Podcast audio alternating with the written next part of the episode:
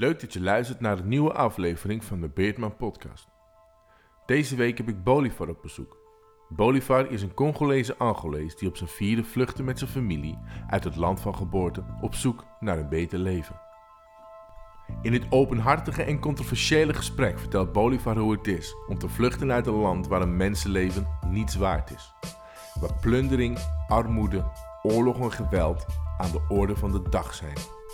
Hoe Nederland de familie verwelkomt, maar aan de andere kant ook verpulvert. En hoe de media het buiten beeld wil houden.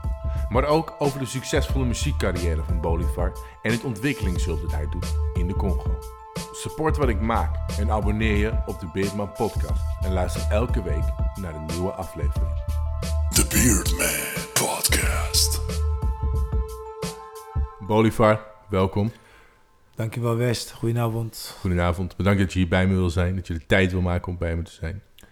Jij bedankt dat ik hier mag zijn. Ik, wilde je, ik, ik heb je gevraagd om hierheen te komen omdat ik denk dat je een, een verhaal hebt wat eh, gehoord moet worden door meer mensen. Ehm, het is belangrijk om bepaalde dingen in ons leven in perspectief te kunnen plaatsen. En ik denk dat jij daar sommige mensen heel goed bij kunt helpen. Je was vier toen je uit Congo naar Nederland vluchtte. En van je vierde leeftijd tot je 21ste ben je van land naar land gegaan. Kun je daar wat over vertellen? Ja. Wat je al zelf zei, ik... ehm, eigenlijk, mijn ouders zijn begonnen met vluchten. Ik was vier in het land van herkomst. Ik ben geboren in Congo-Kinshasa. Eh, op mijn vierde leeftijd zijn mijn, eh, mijn ouders begonnen met, eh, met vluchten. Zoeken naar beter leven. Eh, onze struggle is begonnen binnen Afrika. Dus het continent Afrika, van land tot land. Dus wij zijn eh, overal een beetje geweest in Afrika. Congo, Angola, noem maar op. Al die landen. Op zoek naar beter leven. Hoe ging, En, je eh, van, hoe, hoe- hoe ging je van land naar land? Ging je lopend? Of? Nee, niet lopend. Niet lopend. Ja, het is... Kijk, bij ons was het zo. mijn ouders die, die, gaan, die beginnen eerst met geld verzamelen. Sparen. Op een gegeven moment heb je genoeg gespaard.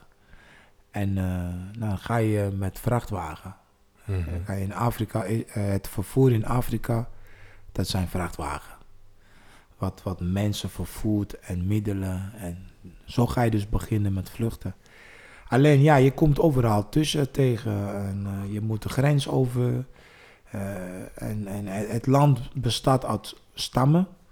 Dus je komt eh, heel veel steden te, eh, moet je binnenrijden en uitrijden. Je komt heel veel stammen tegen. Je komt militairen tegen. Je komt eh, rebellen tegen. Moest je, weet je, jullie, dus je zat dan in een vrachtwagen. Werden jullie dan staan? Heel veel mensen. Met heel veel mensen. En jullie werden dan staande gehouden ook door bepaalde groeperingen? Ja, je wordt gewoon stand eh, gehouden en eh, moet je betalen. Oké. Kun je niet betalen, dan moet je uitstappen. En dan word je mishandeld. En kun je betalen, dan ga je verder naar de volgende stap. Maar ja, onderweg kom je ook burgeroorlog tegen. Onderweg kom je rebellen tegen, net als in de film.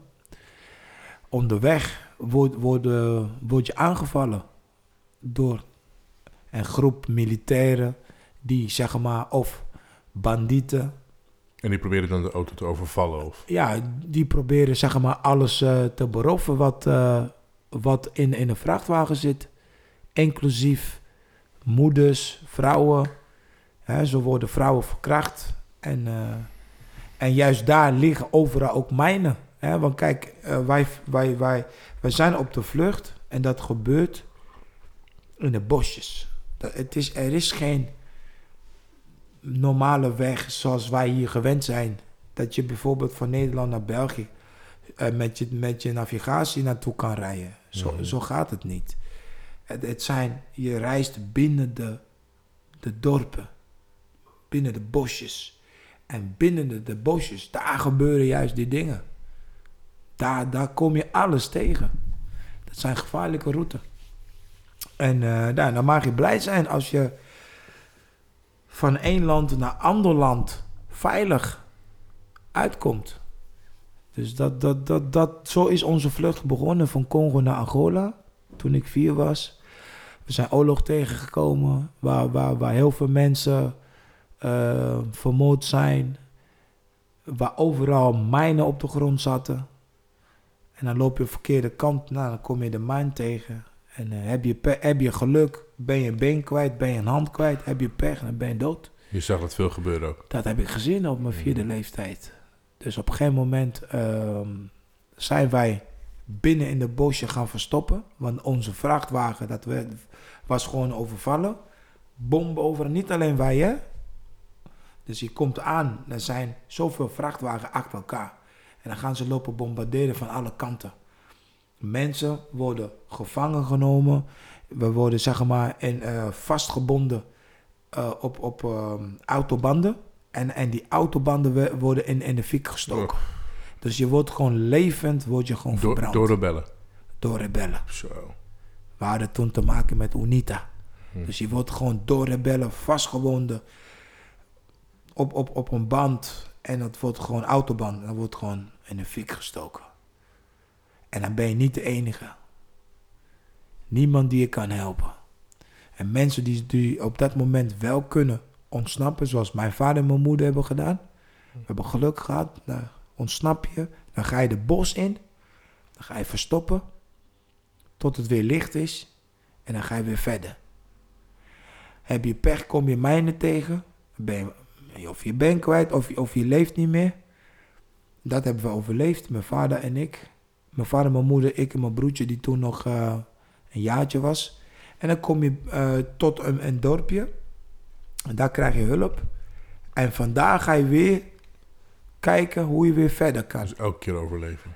Ja, en zo zijn we Angola binnengekomen. En eh, in Angola, ja, oké, zoals ik al, al zei, mijn familie bestaat uit Congolezen en Angolezen. Mijn opa en oma zijn Angolezen. Mijn ouders zijn in Congo geboren, ik ben in Congo geboren. Maar ja, wij hebben ook heel veel familie in Angola wonen. Dus op dat moment kwamen wij Angola binnen en dan ga je dus op zoek naar je familie. Mhm. En je familie weten dat je onderweg bent. Alleen, wat zij niet weten, overleef je dat? Mhm. Kijk, ga je vliegen, dan weet je zeker dat je dat gaat overleven. Maar kom je via route met auto, dan weet je dat je niet aankomt. Of dat het heel lang gaat duren voordat je aankomt. En of je aankomt. Of je überhaupt aankomt. Dus dat zijn van die dingen. Dus op een gegeven moment, eh, na zes jaren in Angola gewoond, toen Hoe, hebben hoe, we was de, hoe was de tijd? Als je, ik weet niet of je dat nog kunt herinneren, want je was vier toen je uit Congo vertrok. Ja. Hoe was de... Hoe, wat was het contrast tussen Congo en Angola? Het verschil. Kijk, op een gegeven moment ehm, weet, wist, weet ik niet veel meer over Congo. Ik was vier, ik, weet alleen, ik kan me alleen herinneren destijds toen wij gevlucht zi- zijn van Congo naar Angola. Alles wat wij onderweg zijn tegengekomen, dat, die herinneringen heb ik nog. Mhm.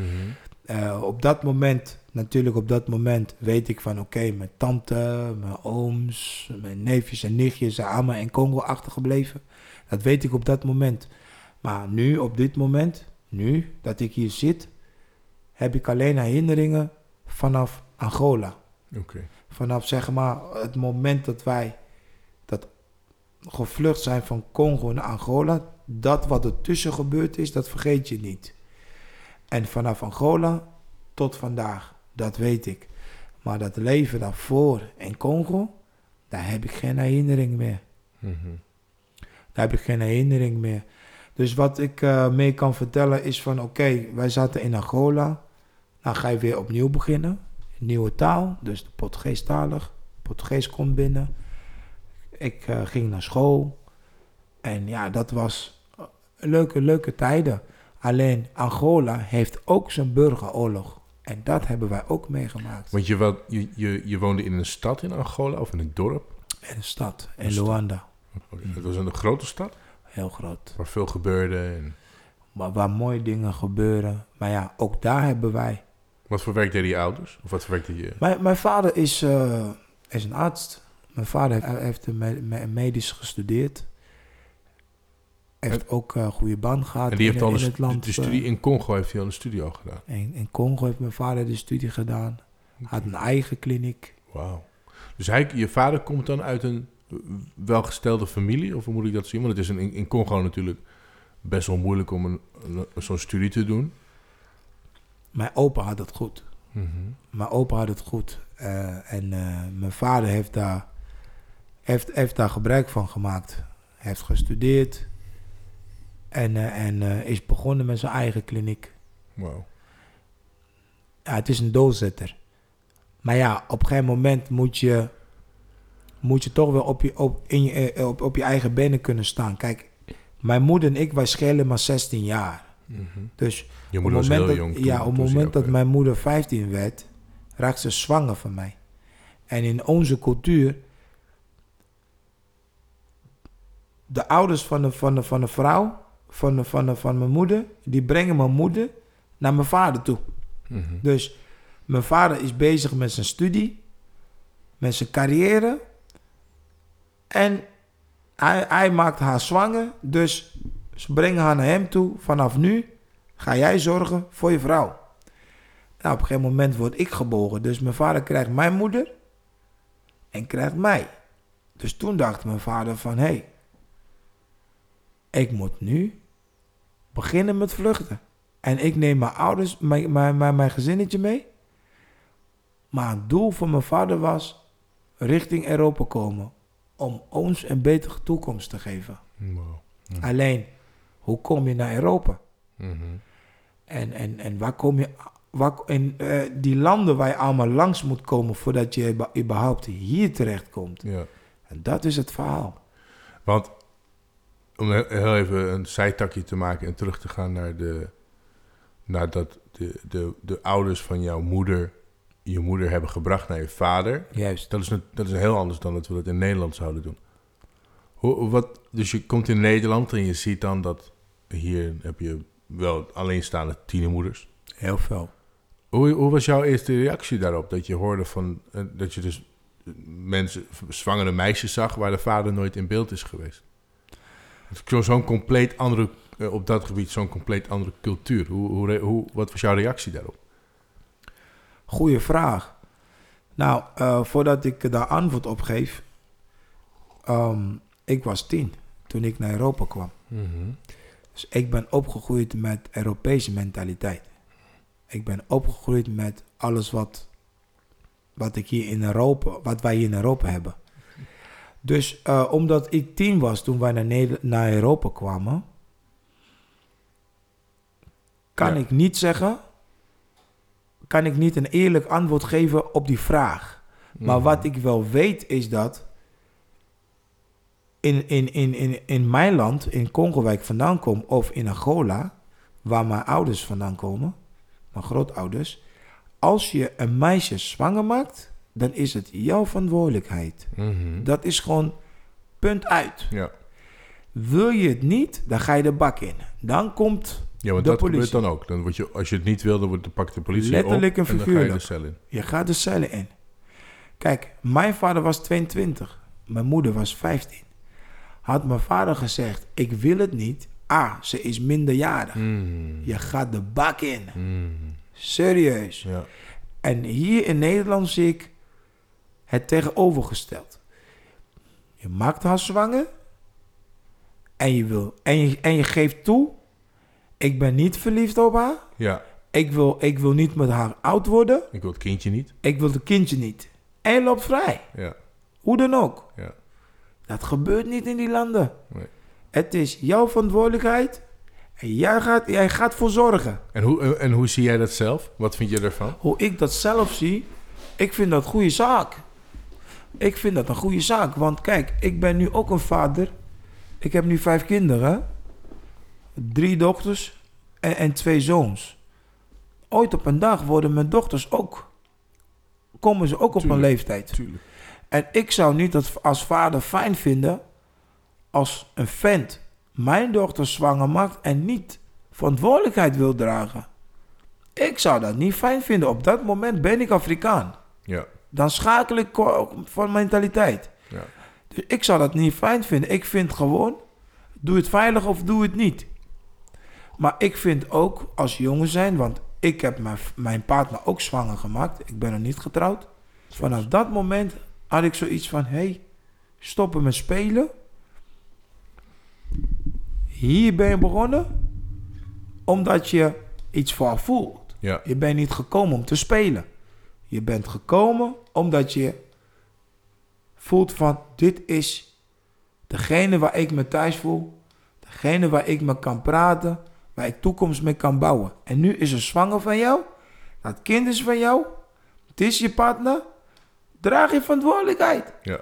Ja, ik voel... Ah, zo simpel is dat. je eens. En dan wil ik niet. ehm, kijk, aan de andere kant heb ik zoiets in onze cultuur, waar ik vandaan kom. Het is een cultuur, het bestaat uit cultuur en godsdienst. Aan de kant van godsdienst word je gepusht om samen te zijn, terwijl je niet verliefd op elkaar bent. Mhm. En jullie hebben dingen samen gedaan. Maar als je met iemand gaat vrijen, wil niet zeggen dat je vrij tot liefde. Nee. Maar dan kan je... ook uit interesse zijn. Ja, tuurlijk. Ja. Maar dat godsdienst dwingt mensen om bij elkaar samen te komen en bij elkaar te blijven. Terwijl twee mensen niet van elkaar houden of de liefde is al lang weg. Dus wat, wat creëer je? Je creëert gewoon, ehm, zeg ik aan mijn beurt, je maakt mensen ongelukkig. Ja. Je maakt mensen letterlijk en figuurlijk ongelukkig en ze moeten samen blijven en oud worden.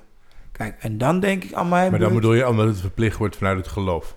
En in Congo is het geloof nog steeds heel belangrijk. geloof en cultuur. Islam en eh, het christendom. allebei. Juist. Ja. Geloof en cultuur. Die twee dingen komen bij elkaar. Geloof zegt, samen tot de dood ons scheidt. Mhm.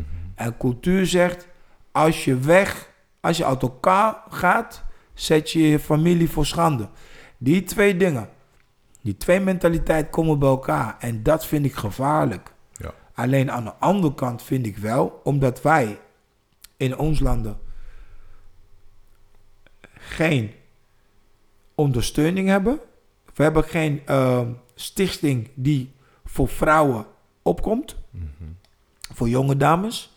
We hebben geen overheid die jongeren ondersteunt, financieel of onderdak, al dat gedoe. Dat hebben wij niet. Wij hebben geen uitkering. Dus stel je voor dat dat cultuur niet bestond en het godsdienst niet bestond. En maak je die zwanger, maak je die zwa- zwanger, maak je die zwanger. Mm. En je bent een vogel, je blijft wegvliegen, vliegen, maar je laat wel die dames achter met, met kinderen. Dat zijn wel jouw kinderen. Ja. Welke voorbeeld geef je aan die kinderen? En welke, en welke mannelijkheid laat je achter bij die vrouw? Mhm. Nou, dat is ook niet fijn. Dus dan denk ik aan, mijn beurt, ik heb ook dochters. Ik zit niet te wachten dat een cowboy van buitenaf komt en dat aan mijn kinderen komt aandoen. Nee. Ik verwacht ook niet dat die twee zoons van mij, dat zij dat gaan doen Mhm. bij andere meiden ooit in de toekomst. Nou, dat, dat, dat, dat wil ik niet. Nee, je moet je verantwoordelijkheid nemen. Vind ik wel. Maar dan lijkt het wel alsof dan het christendom en de, geloof, het geloof in, in de Congo en Mhm. eh, de cultuur, dat, het een beetje de, dat dat een beetje het sociale vangnet is. Maar dan een conservatief sociaal vangnet. Indirect wel. Indirect wel. Laten we teruggaan, want het was een, eh, een behoorlijke zijtak, naar de... Dus je, hebt, je, was in, in- je bent in Congo geweest, vervolgens ben je gevlucht Na Angola. naar Angola. Daar heb je zeven jaar gewoond. Daar heb je Zes zeven- jaar. Zes jaar heb je daar gewoond. Van mijn vierde tot mijn tiende. En wat, wat dus eh, je bent daar naar school gegaan. Ja. Je hebt daar je leven opgebouwd. In zekere zin. En dan moet je weer weg. Waarom moest je, wat gebeurde er dat je daar, dat je het land moest verlaten? Of wilde verlaten? Dat jullie het land wilden verlaten? Wij hebben ook eh, minder goede momenten gehad in, in Angola. Kijk, in Angola hebben we ook te maken gehad met burgeroorlog. Dat is niet alleen gebeurd tijdens het vluchten van Congo naar Angola, maar in Angola zelf ook. Oké. Ook heel veel corrupten. Heel veel militairen die ehm jongelui op straat zomaar arresteren en meenemen voor, voor jonge soldaat. Dus Dus ze maken jou gewoon een soldaat. Van. Je werd gewoon opge- opgepakt van de Je straat, wordt- meegenomen. Ja, dat zijn gewoon wow child. Weet je, je wordt gewoon op je bent onderweg naar school in Angola, hè?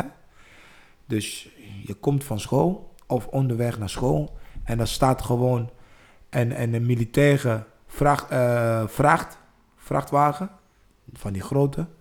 Sinds de jongelui aankomen, iedereen wordt gearresteerd, iedereen stapt erin.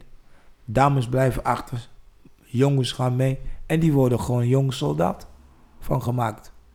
Zonder waarschuwing. Eh, je vader en je moeder, ze Mhm. hoeven niet gewaarschuwd te worden. Maar hoe gingen die ouders daarmee om dan? Heb je, heb, je, heb, je, heb je vriendjes gehad die dan die je opeens kwijt was? Ja, die waren twee jaar ouder dan mij. Dus En- die moesten mee. Het gebeurde gewoon in, in mijn aanwezigheid. En Onderweg die waren gewoon school. weg. Ge- Worden opgepakt, op, werden dan zijn opgepakt meegenomen en Dan zijn ze weg. En, en, en het, is, het, is, het is iets wat iedereen in het land kent. Het is wat, wat vroeger hier ehm, in Nederland ook geleefd heeft. Dienstplicht. Dienstplicht. En Maar goed, dan kreeg is je een brief en dan weet, jij je werd natuurlijk in zekere zin ook verplicht. Juist, Zeker verplicht. Juist, maar Ja. daar krijg ik geen brief. Je wordt gewoon gepakt. Omdat niemand brieven nakomt. Mhm. Dus ze staan gewoon daar waar ze jongeren verwachten. Oh, ze komen van school af. Oké, goede lengte. Ziet er sterk uit. Leeftijd doet er niks toe. Dus Jij ziet er kindsold- goed uit. Veel kindsoldaten ook. Heel veel kindsoldaten, je wordt meegenomen. En, en, eh, ja, en, en je broertjes die, die gaat jankend eh, terug naar huis en die gaat vertellen dat je meegenomen bent. En dan weten je ouders genoeg. En hoe werd dat dan opgepakt door die ouders? Was het dan normaal? Weten ouders Het van, oké, kan- het is wat, wat eigenlijk onnormaal is, is, is daar normaal. Mhm. Kijk, het zit in die cultuur verweven. het, het, het zit in die cultuur. Dus je wordt meegenomen, dan weet je ouders, je familie van oké, we zijn hem kwijt. Nu hopen dat hij ooit terugkomt. En ja, precies, nu hopen dat hij ooit terugkomt. Ja. Want die jongens die gaan dan het leger in. Ja. Die gaan vechten. Voor het leven. Wauw. Voor het leven. Voor het leven. Mm. Dus dat ze überhaupt terugkomen is kans heel klein. En wanneer ze terugkomen, dan zijn ze totaal een ander mens. Dan Ver- zijn ze al, Verhard. Brainwashed. dan, en- dan, dan, dan, dan, dan hebben ze geen gevoelens meer van medelijden. Dan zijn ze hard. Want ze maken zoveel mee. In het ze maken heel veel mee van dichtbij. En, en het is gewoon je kind niet meer. Het is je broer niet meer. Want jij hebt eh, in Angola ook veel oorlog en burgeroorlogen meegemaakt. Dat waren dan on- stammen die onderling met elkaar vechten. Ja, En dan ook stammen die tegen het leger vechten. Ja. En soldaten die misbruik maken van burgers. Mhm. Wat ik net vertelde. Ze komen binnen, ze binden je vader vast en ze verkrachten je moeder. De meeste huizen in Angola, waar ik zeg maar van mijn tiende, en van mijn vierde tot mijn tiende, eh, waar ik geleefd heb, de meeste huizen die hebben geen deur die met een sloot vast eh, dicht kan. Het is een gordijn die op de deur hangt. Ze komen zo binnen. En kinderen zijn dan ook daarbij. Maakt niet uit of kinderen erbij zijn of niet. Ze komen binnen. Ze hebben geweer. En, en, en jij als man in het huis. Ja, je hebt sommige mannen die gaan, die gaan proberen het gezin te, be- te beschermen. En dan Mhm. worden, worden ze op, op ter plekke worden ze neergeschoten. Dus je gaat nadenken van oké, laat ik het toe. Of ik ga in gevecht kans groot als ik in een gevecht ga dat ik word doodgeschoten. En dan, en dan zijn mijn- gezinnetje mij kwijt. Dus die dingen gebeuren gewoon in jouw aanwezigheid. En, en, en, en wij, wij kunnen hier nog naar de politie toe. Je Mhm. kunt aangiftes doen. Dat, dat kun je in onze landen vergeten. Ik heb het nu niet alleen over Congo of Angola. Ik heb het over het hele continent Afrika. continent Afrika. Kun je mooi vergeten. Heel veel mensen denken dat Afrika een land is. Afrika is een continent zoals Europa. En, en daar heb je heel veel landen. Dat is gigantisch. Het is groot. Kijk, ik kom hier heel veel Afrikanen tegen. En dan zeggen ze van, hé, hey, jij Afrikanen, dit en dat. En dat zijn mensen uit Marokko. Maar Marokkanen zijn Afrikanen. Mhm. Dus sommige mensen denken dat Afrika, dat zijn, dat is dat, die belden, die zielig belden wat wij op tv zien. Mhm. Nee, Afrika is een continent. En in elke land, in elk Afrikaanse land, heb jij de luxe kant, heb jij de ghetto, heb jij de achterbuurt, de minder luxe kant en je, en je hebt de toeristenkant. safari. En dat, dat bestaat. Dat heb je in elke Afrikaanse land. Mhm. Als ik... Mijn broertje was, was, was in 2010 het land uitgezet. Welk land? Congo. Congo. Uit, hij is uit, eruit gezet. Het land Hij is hier in Nederland teruggestuurd naar Congo. Oh, hij is Nederland uitgezet. Hij, hij was hier het land uitgezet. Hmm. Hij was Nederland uitgezet, teruggestuurd naar Congo. Hoe lang was hij al in Nederland? Mijn broer kent geen Congo. Hij is daar niet gebogen. En hij is teruggestuurd naar Congo. Mijn broer is gebogen onderweg toen wij aan het vluchten waren op zoek naar beter leven.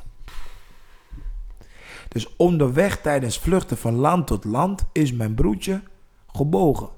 Hij kent het land Congo niet. Maar omdat de vader en moeder uit Congo vandaan komen en wij waren uitgeprocedeerd en hij is in de fouten gekomen. Hè, als, je fout, als je buiten gaat vechten, Mm. dan kom je in de fout. Als je in de winkel en, en, en- en een flesje biertje steelt, je wordt gearresteerd, politie komt, je komt in de fouten. Je wordt gearresteerd.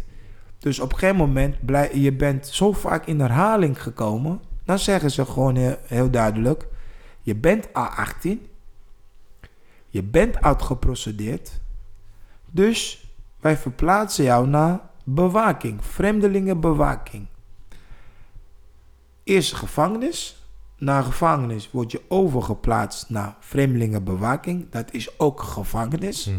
Dat heb je eh, in, in Zeist. Dat heb je dat boot bij Rotterdam. Overal heb je eentje. Midden in midden de, de, de militaire kamp. Mhm. Daar zitten die, die dingen.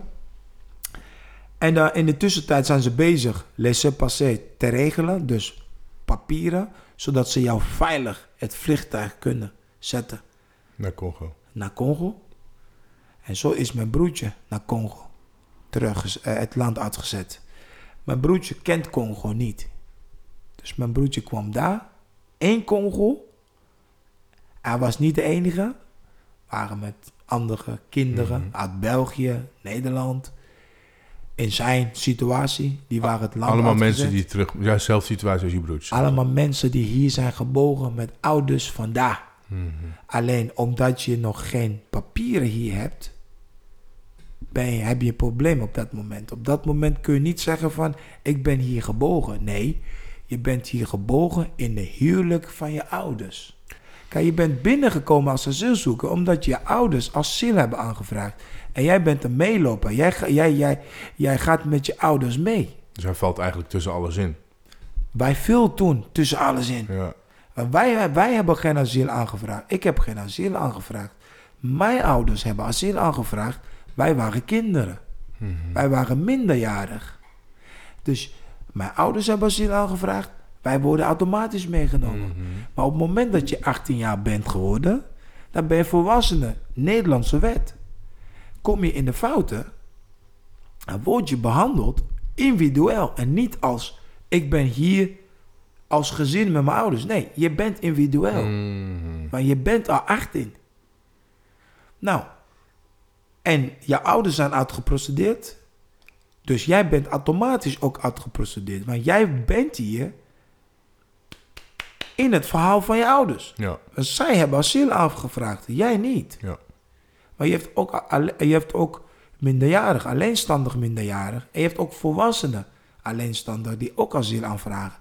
Maar jij bent minderjarig, samen met je familie, met je vader en moeder. Zij vragen asiel, jij bent meegeliefd. Dus op dat moment, mijn ouders waren uitgeprocedeerd, dus wij ook. Hij komt in de fouten, hij wordt het land uitgezet. Zonder dat mijn ouders op de hoogte waren. Ze wisten niet dat hij terugging. Nee, Moest. wij wisten allemaal niet. Hij belde ons op mijn verjaardag. En wij kijken zo. Congolese nummer. Dan denk je van, Congolese nummer? Wie zou dit zijn? Neem je op, nou hoor je je broer aan de andere kant van de wereld. Dan schrik je je dood. Mhm. Nou, dus mijn broer kwam daar, wat ik eigenlijk wil vertellen. Hij kwam daar. Maar hij kwam aan in het vliegveld. S'nachts. Hij belt. Mijn ouders bellen, familie, tante.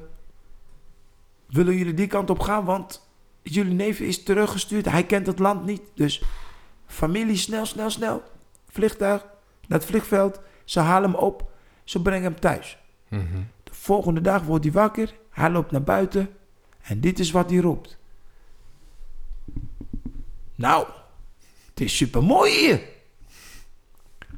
Hij is toevallig op dat moment in de stad terechtgekomen. Dat hele nacht vlucht in Kinshasa is hij? in Kinshasa. Ja. Dat hele route vanaf het vliegveld tot waar mijn- tante woonde, in de stad, s'nachts, dat heeft hij allemaal niet gezien. Hmm. Dus hij wordt wakker en zegt van, nou, dat Afrika wat ik op tv zie, Is veel dit leuker is hier. mooi. Twee weken later, Hmm. tante zegt, ik ga je naar je familie brengen, waar iedereen is. En dat is precies Nederland. in de jungle, Oké, in de jungle. in. Congo, in de jungle. Want jullie, echt, die, de fami- jullie familie, de roots, die wonen nog in de jungle in Congo, ergens. Mijn tante woont in de stad. Ja, Stad is gebouwd door de België. ja, Dus als je in Kinshasa in de stad komt, dan ben je in België. ja. Dan ben je in Brussel. Het ziet er ook zo uit. Dat is Brussel. Precies Brussel. Belgische Congo. In Angola, als je in een stad komt, is precies Lissabon. Hmm, Portugal. Zo is Afrika opgebouwd. Alle kolonie in Afrika, als je in de stad komt, dan zie je het stuk Europa terug. Maar als je daar buiten komt, in de, in de bui- eh, buitenwijken, in de ghetto, en dan zie je hoe Afrika eruit ziet. en daar kwam die terecht. En toen begon die echt te klagen. Ja. Toen was het leven direct veranderd. Want hij heeft daar ook even gewoond. Tweeënhalf in de jaar- echte. Anderhalf jaar heeft hij daar gezeten. In, de, in, de, in het echte Congo. In de buitenwijk van Congo. Hoe was dat van voor hem? Kinshasa. Hard knock life. Ja, hè? Hard knock life. In welke zin vooral? Wat, wat, is, wat, wat, wat vond hij nou het, het, het moeilijkste om mee te maken? Nou, A. Zo goed de taal spreek je niet. Nee, want je- Helemaal, hij is daar niet gebogen. nee. hij kent wel de basis toch? Hij kent de basis omdat de ouders... Maar er werd natuurlijk heel veel slang gebruikt. Precies. Jeugd, jongeren, slang, Precies. straattaal. Ja. En, en je postuur valt ook op. Ja. Ze kunnen jou zien. Deze is niet hier. Is niet van hier. Omdat hij te goed gebouwd was. Gezond. Goed eten. Je loopt anders. Je gedraagt je anders. Je, je, je, je, je communicatie met mensen is anders. Dat valt op.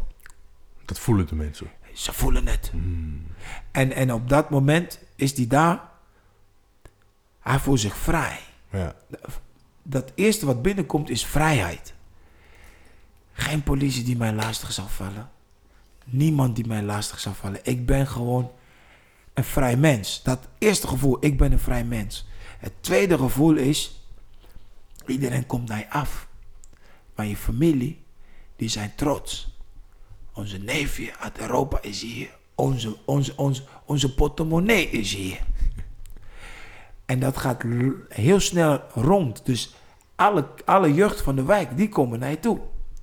En dat is eventjes leuk. ja. Totdat je portemonnee leeg is. En dan is het niet leuk meer. Want ze, ze, ze wisten al, of dachten allemaal dat hij een, een kapitaal mee had genomen. Dat denken ze allemaal. Maar dat is niet zo. Dat is Toch? niet zo. Dat is niet zo.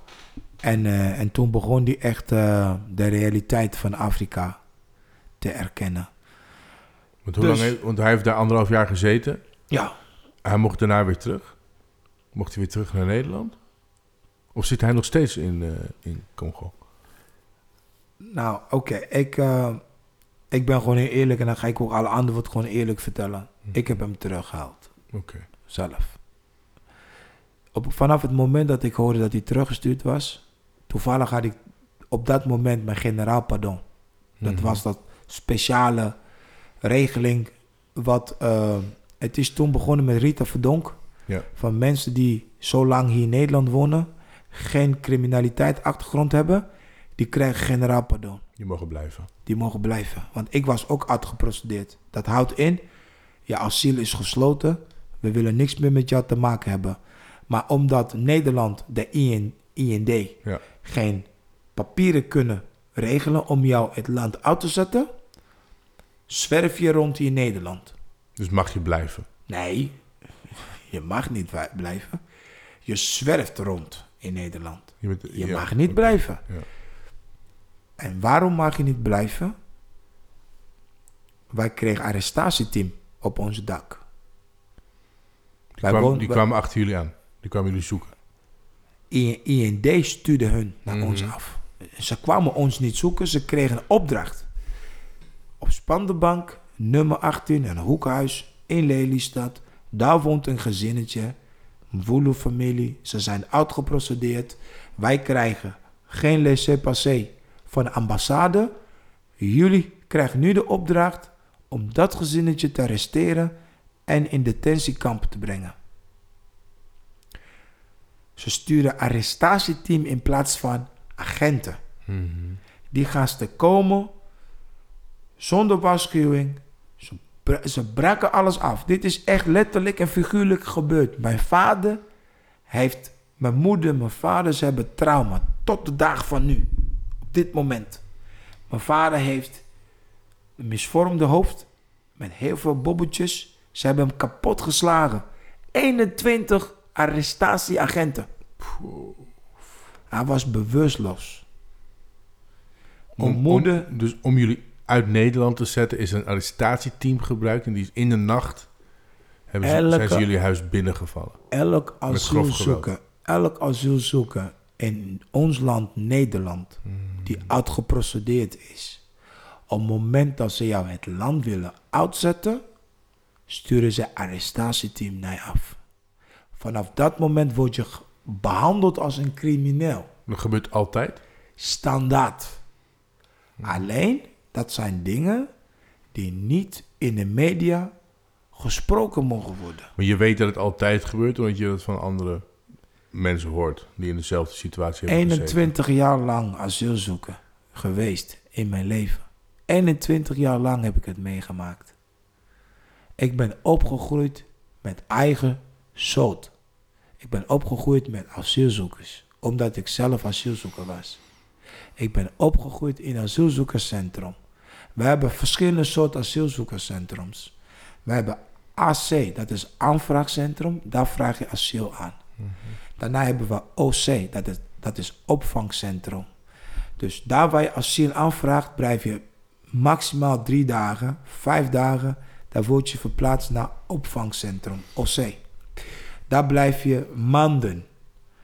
Vandaar word je verplaatst naar asielzoekerscentrum, ACC. Van ACC word je verplaatst naar COA-woningen. Dat zijn mensen die verblijfsvergunning krijgen. Of gezinnetjes die in asielzoekerscentrum ruimte vrij moeten maken voor nieuwkomers. En die worden verplaatst naar COA. Doorgestroomd. COA. Zo werkt dat. En dat heb ik 21 jaar lang meegemaakt. Ik heb het meegemaakt in Angola, in Afrika, verschillende landen. Ik heb het meegemaakt in Polen. Want je bent, Ik heb het meegemaakt in Duitsland. Stel je vraag. nee, je bent van Angola. Het is natuurlijk eh, het is afschuwelijk om te weten. Het is natuurlijk verschrikkelijk als je als mens geen, geen vaste thuisplek hebt. Ja. En dan heb je natuurlijk wel je familie. Maar ik denk dat je altijd als mens heb je een, een plek nodig om je veilig te voelen. Het moet traumatisch zijn voor niet alleen voor jou, maar voor je hele familie. Om dat niet, niet te hebben. Om niet eens te weten hoe het is om een vaste thuisplek te hebben. Maar om, eh, de, om terug te gaan, je gaat van Angola ga je naar Polen. En in welk jaar eh, was dat dat je naar Polen ging? 1990. Want hoe, hoe kom je in Polen terecht? Als Goeie vraag. Congolese Angolees, als ik het zo mag zeggen. Heel goed. Hoe kom je als Congolese Angolees terecht in Polen? Heel goed. Eerst teruggaan naar Angola.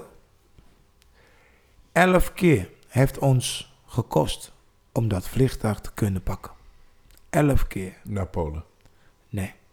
Wij gingen niet naar Polen. Als je in Angola bent, dan wil je naar kolonieland. En dat is Portugal. Als je in Congo bent, dan wil je naar kolonieland. En dat is Belgische Congo. Dus vanaf Angola was onze route naar Portugal. Alleen de vliegtuig, die vliegt langs bepaalde landen. Dan ga je overstappen en dan ga je verder richting Portugal. Maar voor mensen, wij Afrikanen, op het moment dat je Europa binnenkomt, dan krijg je te maken direct met vragen. En de vragen zijn: ben je, heb je een uitnodiging gekregen om naar Europa te komen? Ja of nee? Nee, niemand heeft ons een uitnodiging gegeven om naar Europa te komen. Oké, nou je hebt een visum. Wat kom je doen? Nou, ik ben op zoek naar beter leven. En, en wat is jouw bestemming? Jouw eindbestemming? Ja, Portugal. Maar de wet voor vluchtelingen zit zo in elkaar. Daar waar je wordt aangehouden, daar moet je asiel aanvragen. Dus op het moment dat wij Rusland binnenkwam, toen heeft Rusland gezegd: jullie vliegen niet verder. Nu is de keus: gaan jullie asiel aanvragen? Of we zetten jullie in een ander vliegtuig terug daar waar jullie vandaan komen. Je moet een beetje dat idee krijgen wat wij op tv zien van Australië. Mensen komen van allerlei kanten. Die proberen het land Australië binnen te komen om een nieuw leven te beginnen. En van het vliegveld wordt gevraagd van... Oké, eh, eh, heb je een uitnodiging? Dan klopt alle papieren. Eh, ja, ik heb je een vriendin. Heb je een vriendin? Oké, nou, een vrouwtje wordt gebeld. Als je geluk hebt, mag het land binnen. Ah, de meesten zeggen van, nou, ah, ik kom gewoon eventje werken. Nee, oh, ik kom eventje als toerisme. En dan komt zoveel vragen naar voren. En dan gaan ze nadenken van, nou, deze komt niet als toerisme. Deze komt voor werk. Dus je wordt direct gecanceld. Die hele vlucht wordt direct gecanceld. Dan word je teruggezet naar het, naar het land waar je vandaan komt. En dan krijg je nog drie jaar verbod. Maar als je geluk heeft, wordt je gevraagd, wil je asiel aanvragen? Kijk, en die kans hebben wij gekregen. En op dat moment, in die jaren, kijk, wij waren de eerste stroming, eind jaren, neg- zeg maar van jaar van 89 naar 90. Wij waren de eerste storming, s- storming zeg maar, groepen mensen die richting Europa kwam. Vooral deze hout, houtkleur. Ja. Dus we waren echt de eerste kleurlingen die deze kant op kwamen. Dus dan ben je daar, dan zeggen ze van oké, we hebben heel veel asielzoekers binnengekregen. Dus we kunnen ze hier niet allemaal houden. Dus we gaan nu verdelen. En dan heb je het over Rusland. Ik heb het over Rusland. Want daar zijn we En aangekomen. vanuit Rusland willen ze gaan verdelen. Ze willen nu groepjes gaan verdelen. Ene groep gaat richting eh, Polen. Andere groep gaat richting Tsjechië. Andere groep gaat, blijft daar. En wij hebben de kans gekregen om richting Polen te gaan.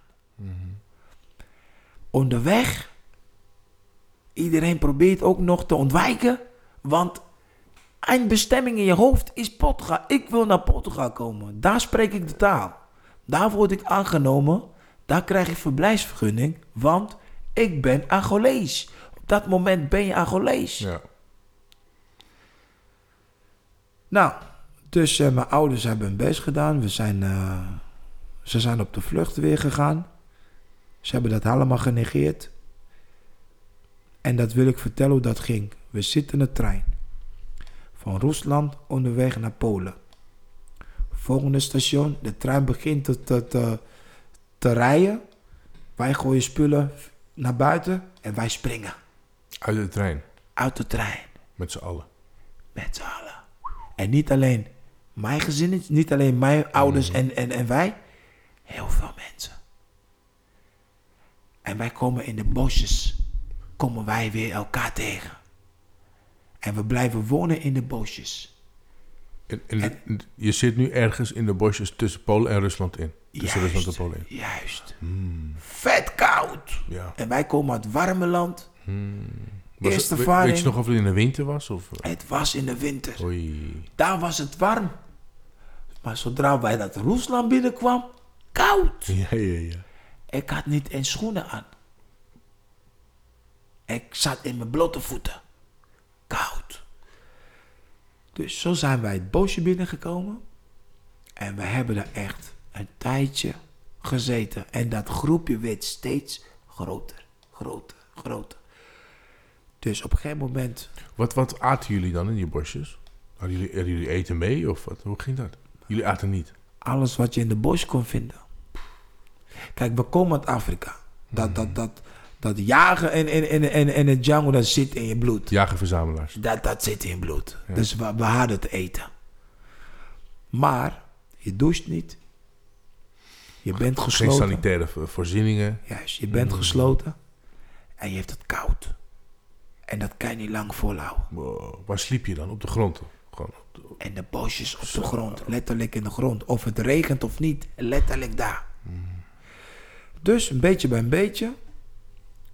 Groepen mannen komen bij elkaar en die zeggen: Weet je wat, dit kan niet zo lang doorgaan.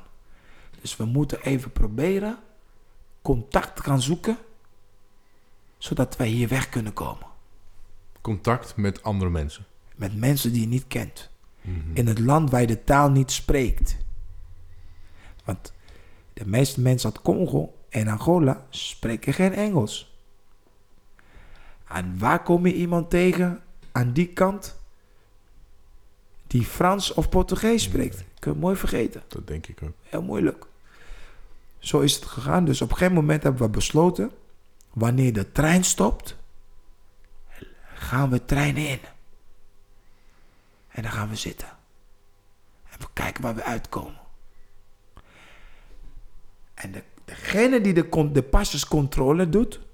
die heeft het al heel lang door. En die signaleert van... ik heb hier vluchtelingen aan boord... En dan is direct duidelijk van dat is het aantal mensen die wij kwijt zijn. Laten ze doorrijden tot, in tot bij Polen en daar worden ze gearresteerd. Wij komen Polen aan, wij worden gearresteerd. Een andere groep komt Tsjechië aan, binnen, ze worden daar gearresteerd. Ah, direct ben je een vluchteling. Dan heb je die titel. Dus we worden overal daar in Polen in asielzoekerscentrum gezet, in eh, flatgebouwen, in de bungalows. Nou, wij kwamen eerst in de bungalows en na een tijdje verplaatst naar een flat in Polen, Warschau. Anderen kwamen in Tsjechië op hun eigen manier. Daar hebben we geen contact meer. Toen dachten mijn ouders, 10 dollar per maand is ook geen leven. Dus ze kregen 10 dollar per maand? Of? Per maand. En daar moesten ze alles van doen. Nee, Hoe, hoe ging we dat? kregen, we kregen eten. Oké, jullie kregen eten van, van Polen. Ze hebben een restaurant.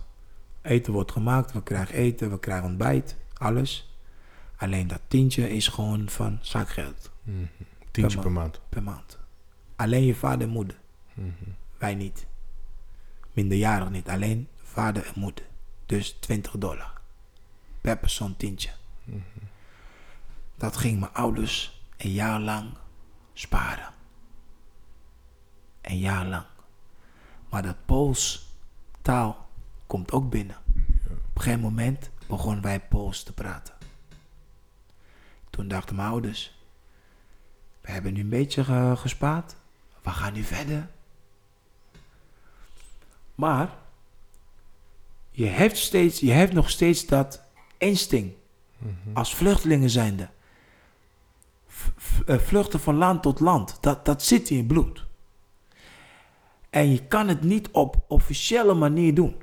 Want op, op een officiële manier word je afgehakt. Word je tegengehouden. Je wordt teruggezet in het centrum waar je, waar je, waar je al zit. Of je wordt het land uitgezet. En dat laatste wil je niet met te maken krijgen.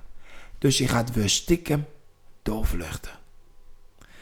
En destijds hadden wij mensen, onze voorgangers, die al van aan deze kant zaten En ze zijn aan de andere kant gekomen en ze weten precies hoe ze mensen van één kant naar de andere kant moeten brengen. Mhm. En dat is wat je nu ziet op, op, de- op de media, op tv. In Noord-Afrika, met series. Juist, mensen die via de boot komen. Het zijn mensen die ervaring hebben, die denken dat dat de juiste manier is om hier naartoe te komen. Of Nou, een manier. eigenlijk wat ik wil zeggen is, wat ik wil zeggen is, wij zijn de onschuldigen. Wij zijn alleen op zoek naar een beter leven. Maar onze voorgangers, die zijn al, die hebben dat route al gewandeld. Die zijn al goed terechtgekomen. Die hebben al hun papieren, alles voor elkaar. Maar hun blijven denken van, hé, hey, aan de andere kant, daar staan nog steeds vluchtelingen. Als wij die mensen via boot van één kant naar de andere kant kunnen brengen, gaan we geld verdienen. En daar heb ik het over. Dat zie je nu ook op tv. Je ziet op tv heel veel vluchtelingen vanaf Marokko. Die proberen Spanje binnen te komen. Die, die, die, die, die landen die daar dichtbij zitten aan de overkant van het water. Die vluchtelingen, die wordt, daar, er is een smokkelen. Dus ik heb het eigenlijk over de smokkelers. De smokkelers zijn ex-vluchtelingen. Ja.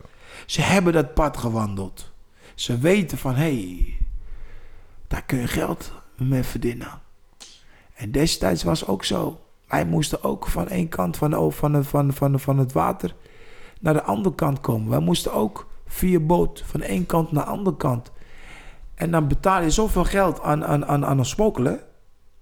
En dan komen ze met zielig bootjes van allerlei soorten. En dan proberen ze mensen ons van één kant van Polen aan de andere kant van Duitsland te brengen. Dus je bent met, ook met een boot.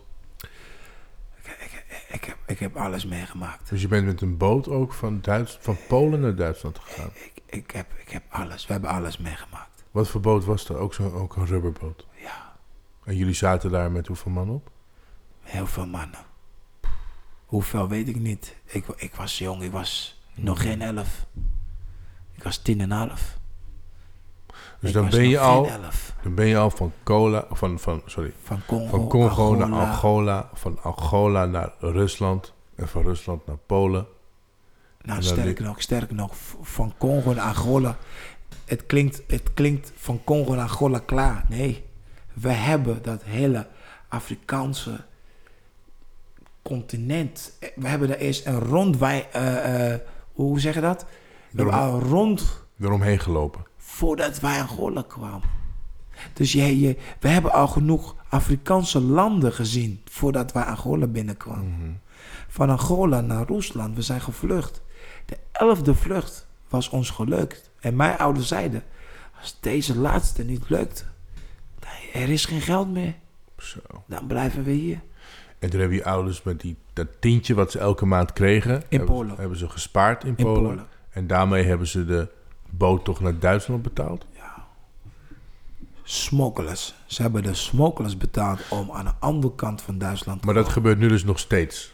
Dus de, de, me- de- je ziet natuurlijk de boten wel eens. En de boten die uit Syrië komen, waar mensen dan met z'n honderden op, of tachtig op een boot zitten. Die worden dan vaak door, Ita- Ita- Ita- door de Italiaanse kustmacht uit het water gehaald. Maar dat zijn dan mensen die ook dan in een al hele verschrikkelijke situatie zitten natuurlijk. Die sparen hun geld en die betalen dat dan aan de smokkelaars die eigenlijk wel weten dat ze het toch niet gaan redden. En dan toch dat geld eraan verdienen. Omdat je niet terug wil naar waar je wegkomt. Moeilijk hè, want jij, jij weet waar die mensen doorheen gaan. Ik heb het, ik, ja, ik weet het. En ik, ik, ik heb dezelfde pad gewandeld als kleinkind. En als kleinkind ehm, was de keuze niet, het was niet mijn keus om, om, om dat pad te wandelen. Het was de keus van mijn ouders. En zij hebben het goed bedoeld om ons een betere toekomst te geven. Nou ja, als je ziet wat de concessies ze maken.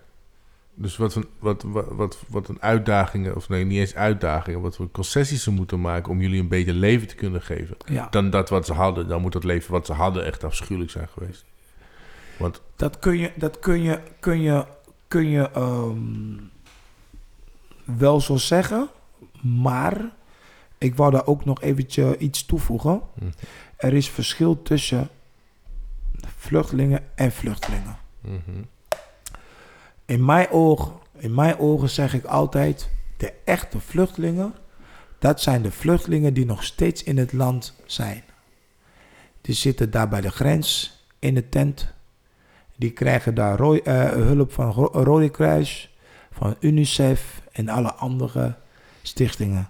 Dat zijn de arme vluchtelingen. Die komen niet verder dan tot bij de grens. Maar vluchtelingen, zoals wij in ons tijd en wat ik nu op tv zie, dat zijn vluchtelingen die in het land van herkomst wel goed hadden. Zij vluchten voor andere redenen. Zij vluchten niet voor het armoede. Waar vluchten ze voor dan? Mijn ouders zijn gevlucht voor het politiek.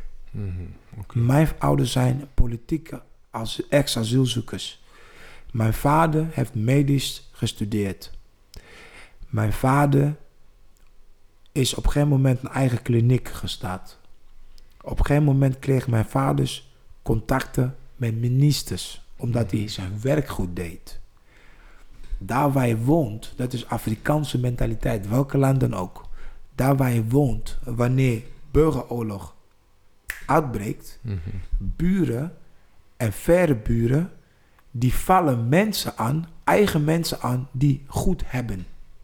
Dus als ik weet, jij hebt het goed, terwijl ik bij mij thuis elke dag met een lege maag naar bed eh, ga, wanneer burgeroorlog uitbreekt, dan verzamelen wij, dus zeg maar de jongeren verzamelen zich, die slecht hebben, en die beginnen een medemensen aan te vallen die het beter hebben. Om te stelen van die mensen. Om van die mensen te stellen. Het is een bepaalde woede van, jij hebt het goed al die tijd en ik niet. Terwijl wij in één land wonen. Je kunt het vergelijken met Nederlanders die roepen, die vluchtelingen komen hier naartoe, nemen onze baan over. Die vluchtelingen komen hier naartoe, krijgen huizen aangeboden, terwijl onze opa's en oma's en, en, en, en bejaarden geen woningen hebben. Dat is eigenlijk een beetje, zo moet je het een beetje zien. Daar. Aan mijn beurt zeg ik, doe je best. We hebben allemaal gelijk kans. Ook in Congo? Ook in Congo. Mensen die het goed hebben in Congo hebben ook hun best moeten doen. Je krijgt het niet gratis. Maar ja, Maar het is- meningen verschillen Nou ja, bij mensen. Kijk, ik zeg altijd aan mijn buurt, ik hoor heel veel mensen in Nederland, op school hoorde ik dat toen ik op school zat, Eh, op werk hoor ik dat, in mijn omgeving hoor ik dat. Dan denk ik bij mezelf, als je wist hoe die dingen in elkaar zitten, dan had je dat niet gezegd. Want A, mhm. asielzoekers mogen helemaal niet werken. 80% van asielzoekers zijn uitgeprocedeerden. Uitgeprocedeerden, dat hoor je al in het naam. Je asiel bestaat niet meer. Alles is dicht. Je bent gedumpt. zwervende. Je bent zwervend. Of je zit in detentiekamp. Maar daar blijf je ook niet eeuwig zitten. Want je advocaat gaat voor je vechten om jou daaruit te krijgen. Maar je advocaat is niet degene die jou verblijfsvergunning geeft. Dat doet de ING. I- IND. En de IND vallen niet binnen de Nederlandse wet. Zij hebben een eigen wet. Dus als hun zeggen, jij krijgt het niet. Ook zegt de rechter, je mag in Nederland blijven. En je, komt, je wordt vrijgemaakt. Je komt vrij uit de detentiekamp. En hoe ga je verder dan? Onderdak heb je niet. Want je komt alleen in asielzoekerscentrum als de IND jouw asielprocedure accepteren. En zij geven toestemming aan, het, aan stichting COA om jou onderdak te geven.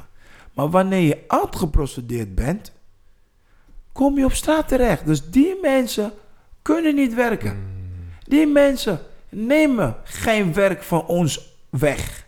Dat is onzin. Dat hele gedachte wat de meesten hebben in, in Nederland van die asielzoekers nemen onze banen af, dat is totaal onzin.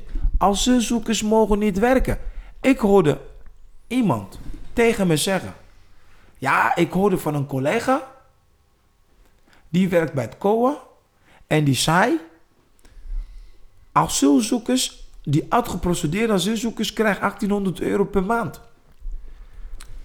Sla me dood. Uitgeprocedeerde asielzoeker. Ik ben er eentje van. Ik heb vier jaar lang op straat moeten leven. Vier jaar lang. Zonder onderdak. En hoe heb ik het overleefd? In, in Nederland. In Nederland. Ik woonde in Amsterdam, Moudenpoort. Onder de brug. Daarnaast heb je Lelyland. Dat is zeg maar een hele grote eh, eh, huis voor entertainment. Daar komen muzikanten oefenen en zo, Lelyland. Daar ging ik overdag proberen even muziek eh, met anderen te maken. S'nachts zat ik onder de brug. S ochtends vroeg reed ik zwart met de trein van, van Amsterdam naar de poort naar Hilversum. Want daar zat ik op school. Alsof niks aan de hand was. Ging ik de klas in, zonder boeken. Want ik moest... Ik heb gevraagd, mag ik mijn opleiding afronden? Ja. Maar ik heb geen boek, ik kan het niet betalen. Sociale dienst betaalt het niet voor me. Ik ben uitgeprocedeerd. Als jij maar kan komen, krijg je die kans. Maar wij kunnen ook niet voor je boeken betalen. Vier, vier jaar lang. Op een gegeven moment ben ik van Doedo College in Hilversum. Heb ik gevraagd of ik geplaatst kon worden in Lelystad, ROC Lelystad. Ben begonnen bij het Lelycentrum.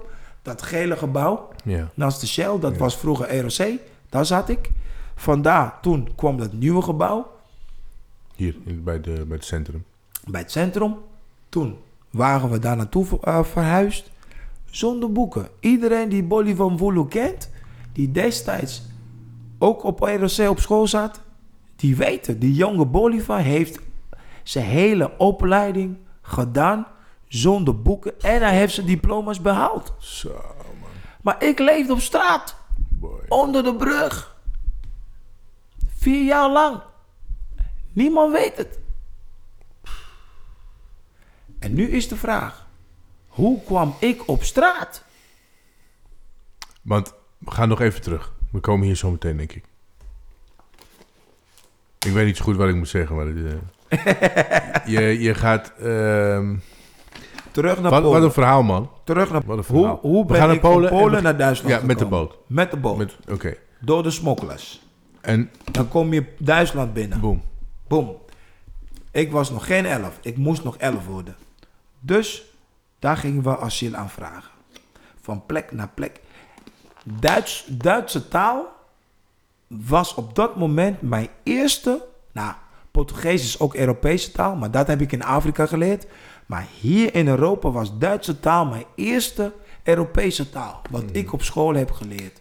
Vanaf mijn elfde tot mijn 17,5. Eigenlijk vanaf mijn 10 10,5 jaar tot mijn 17,5 jaar. Want in Duitsland ben je ook naar school gegaan.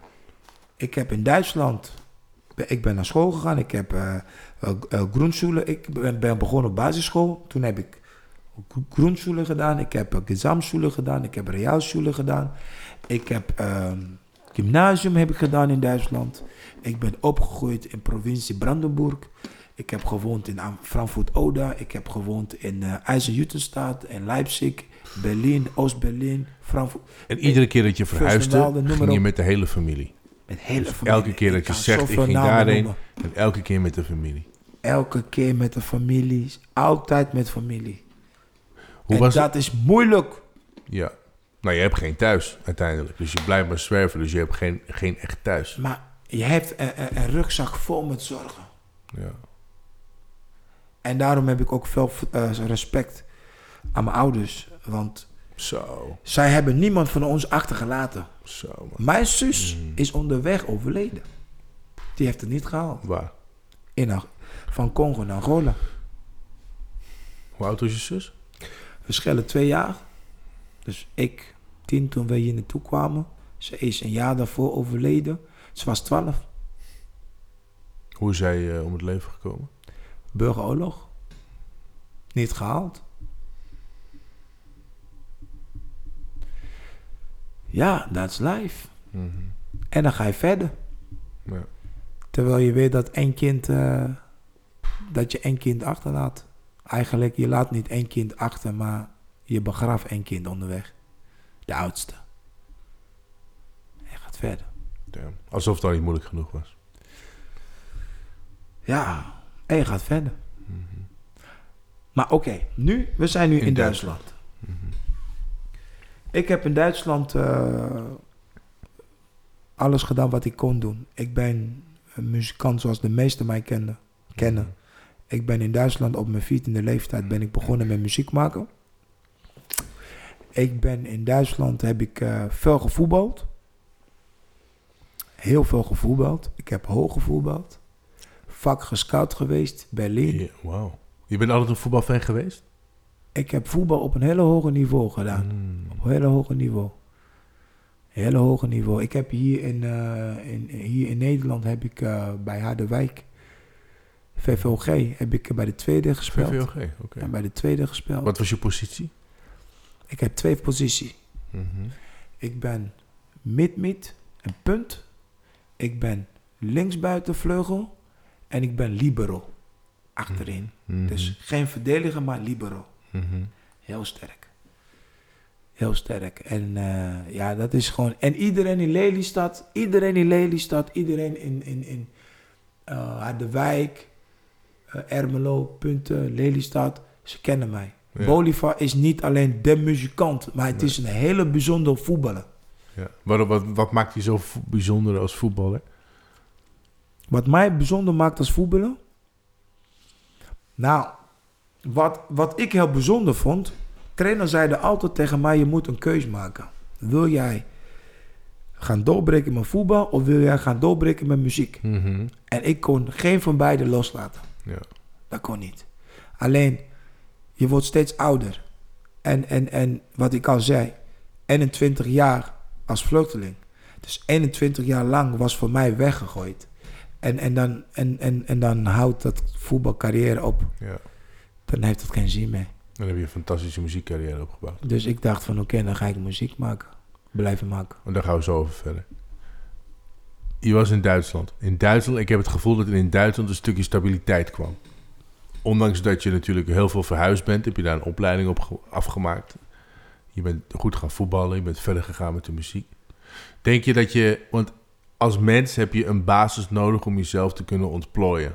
Snap je? Dus als de basis niet goed is, zal je als mens heel moeilijk groeien. Ehm, denk je dat je daar groeide als mens in positieve zin? In, die hele, dus daarmee wil ik niet bagatelliseren wat, al, wat je al hebt meegemaakt. Maar denk je dat je als mens toen bent, eh, ga, nog meer bent gaan groeien in Duitsland? Kwam er daar een stukje stabiliteit? Goeie vraag. Toen, toen ik opgroeide in Duitsland, toen wisten wij het verschil. Wij wisten heel duidelijk dat wij vluchtelingen waren. Ik ben in Duitsland opgegroeid in derde eeuw. Dat woord zegt al genoeg. Derde eeuw. Ik ben opgegroeid midden bij met skinheads. Ik ben opgegroeid met mensen die deze houtkleur niet mogen. Ze houden niet van deze houtkleur. Onderweg naar school, altijd wat.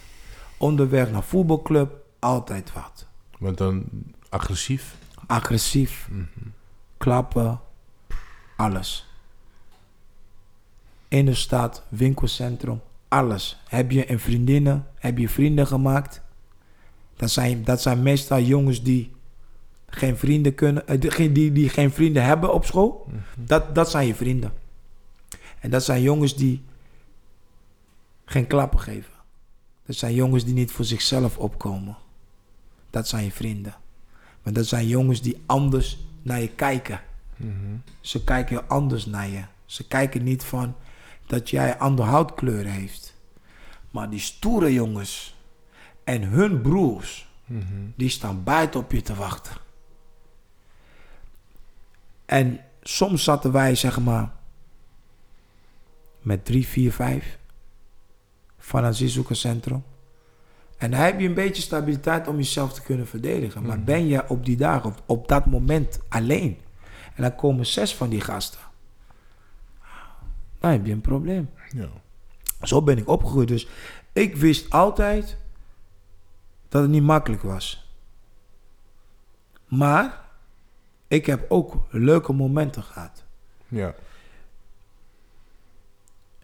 Iedere keer dat wij met, met, met, met voetbal wedstrijd hadden, voelde ik liefde. Want in, in het voetbal van je teamgenoten merkte je dat niet, die, dat racisme. Ook. Ook. Alleen op dat moment word je geaccepteerd, maar je voetbalt voor hun. Ja. Je scoort voor hun team. Je, je, bent, je, bent, je hoort bij hun team. Wij willen winnen. Dan, is de, dan, is, dan word je geaccepteerd. Dan ben je op dat moment leuk, omdat je scoort. Maar van maandag tot vrijdag, we gaan naar school. Je maakt vrienden kennen. Je, je, je, je krijgt een vriendin. Dat mag niet. Kijk, en, en, en, dan, dan voel je dat verschil gewoon. Alleen wij, ik ben Duitsland binnengekomen, vrij jong. En, en, en ik leerde de taal heel, heel goed. Dus dan ben je een ge- een gekleurde mens die goed de taal spreekt. En dat vinden ze goed. Van ze denken eerst van, ah, ja, hij spreekt onze taal ook niet. Maar op een gegeven moment dan denk je, oh, wacht even, deze jongen praat gewoon de taal. Ja. En, en, en dan, dan word je een beetje verwelkomd. Dan ben je een beetje welkom. Maar de onderscheiding blijft. Dat is gewoon standaard. Dat blijft gewoon. Kijk, in Duitsland woonden wij in, eh in een asielzoekerscentrum die in de fik wordt gestoken door, door skinheads. Het hele kamp wordt gewoon in de fik gestoken. En dan kwamen helikopters om asielzoekers te bevrijden. En dat is wel eens gebeurd toen jullie er zaten ook. Z- eh, Zello. Asielzoekerscentrum in Zello. Binnen de Asielzoekerscentrum zitten meestal altijd binnen de bosjes. Omdat de mensen in de stad geen asielzoekerscentrum willen. Dus dat wordt altijd buiten het centrum gezet. Afgezonderd. Precies. En, en, en eh, ja, veel meegemaakt. Alleen, ik moet eerlijk zijn, ik heb ook goede momenten gehad. Ik heb goede momenten gehad met muziek. Eh, zo ben ik begonnen met muziek maken In Duitsland. in. Duitsland, schoolband. Zo ben ik begonnen met muziek maken. Zo ben ik begonnen met voetballen in een club. En ik had toen een reisdocument gekregen. Dankzij mijn studie en mijn voetbal. Mhm. Ik kwam toen naar Amsterdam. Toen ik daar nog woonde. Kwam ik in Amsterdam. Wedstrijden, Ja. schoolreis. Ik kende toen aan Nederland. Voordat wij überhaupt naar Nederland kwamen. Ja, alleen op een gegeven moment eh, hebben mijn ouders besloten om eh, afscheid te nemen Van Duitsland. van Duitsland. Waarom? Mijn ouders die keken naar onze leeftijd. We worden steeds ouder. En er gebeurt niks. Geen verblijfsvergunning. En eh, mijn ouders wilden één ding. Het carrière, het beste van ons. En dat wij ook de kans kregen om ons carrière op te bouwen. Dus hebben ze gezegd, weet je wat?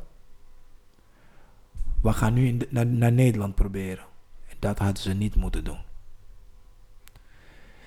Ik heb in, mijn hele leven lang, sinds dat ik in Europa woon, de allermoeilijkste tijden, dat ik echt roep, ik ben mishandeld, ik ben geslagen, ik ben gekleineerd, ik heb op straat geleefd. Dat is allemaal in Nederland gebeurd, niet in Duitsland. Dat mijn ouders klap hebben gekregen, mijn moeder, mijn zusjes, van vijf en negen pepperspray van een arrestatieteam. Mijn vader bewusteloos. En dat was elke week de Samsung. Ik woonde, ik woonde hier op het ledencentrum. Maar was elke week was er fysieke mishandeling. Elke week kwam die arrestatieteam. Maar die kwam elke week naar jullie toe. Twee keer in de week. In, in Nederland. Lelystad, Spandenbank, nummer 18, Hoekhuis. Maar waarom, Zuider-Zeeland. maar je, waarom, kwamen ze eh, zo, waar- waarom kwamen ze zo vaak? Wat Omdat wij weigerden vrijwillig het land uit. Dus dan, jullie, ze, ze komen naar jullie toe.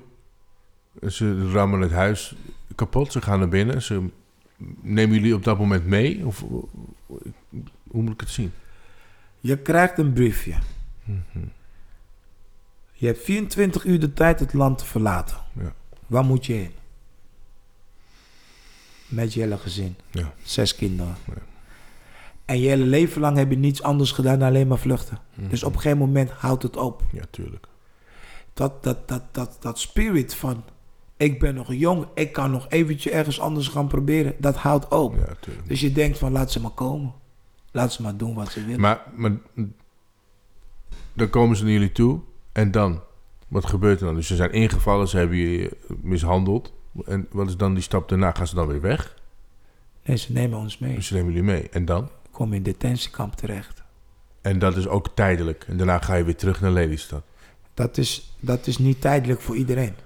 Kijk, dat wil ik even duidelijk vertellen. Meestal wanneer ze kwamen, was ik altijd degene die nooit thuis was. Dan zat ik in Emmeloord met optreden. Dan was ik daar met optreden. Maar ja, destijds re- eh, reisden wij met Connection Bus. Na tien uur reed dat busje niet meer. Ja. Dus dan kun je niet meer naar huis. Dus dan blijf je aan die kant In bij Emmeloord. iemand, blijf je even logeren. En de volgende ochtend neem je je bus terug naar de hele stad. S'nachts rond twee uur gaat de telefoon. Mama aan de telefoon, huilen. Wat is aan de hand? Je vader is dood. Vader dood? Ja, zo en zo. Ze zijn hier gekomen met zoveel agenten. Je vader weigerde de deur open te maken. Ze braken de hele deur. Ze kwamen binnen. Begonnen ze iedereen klappen te geven. Ik en jouw jongste zusje zijn via de andere deur naar buiten ge- ge- gevlucht. Je broertje, die, die, die nog thuis was, die hield hun tegen zodat wij via de andere kant weg konden. Dus jouw broer kon geen kant op. Jouw zusje, jouw andere zusje, pepperspray, die staat daar bewusteloos. Ze zijn allemaal meegenomen, maar je vader is overleden.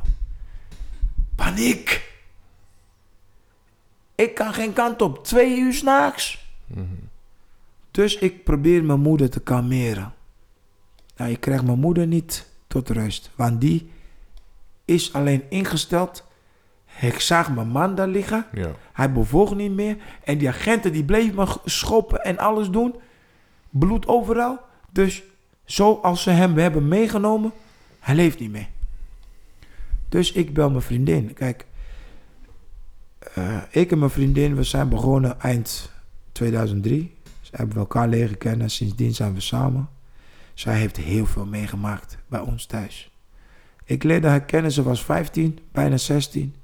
Ze is nu 32. Ze heeft veel meegemaakt. Al die drama en, en, en, en al die dingen wat je niet zou verwachten, die dingen gebeuren gewoon hier in Nederland. En, en, en, wij zijn niet de enige die dat hebben meegemaakt. Er zijn genoeg asielzoekers, uitgeprocedeerde asielzoekers, die dit meemaken. En het gebeurt nog steeds. Tot de dag van Er vandaag. gebeurt nog steeds. En nog, nog erger dan dat. Nog erger dan dat. Ik heb heel veel situaties meegemaakt. Veel gezien.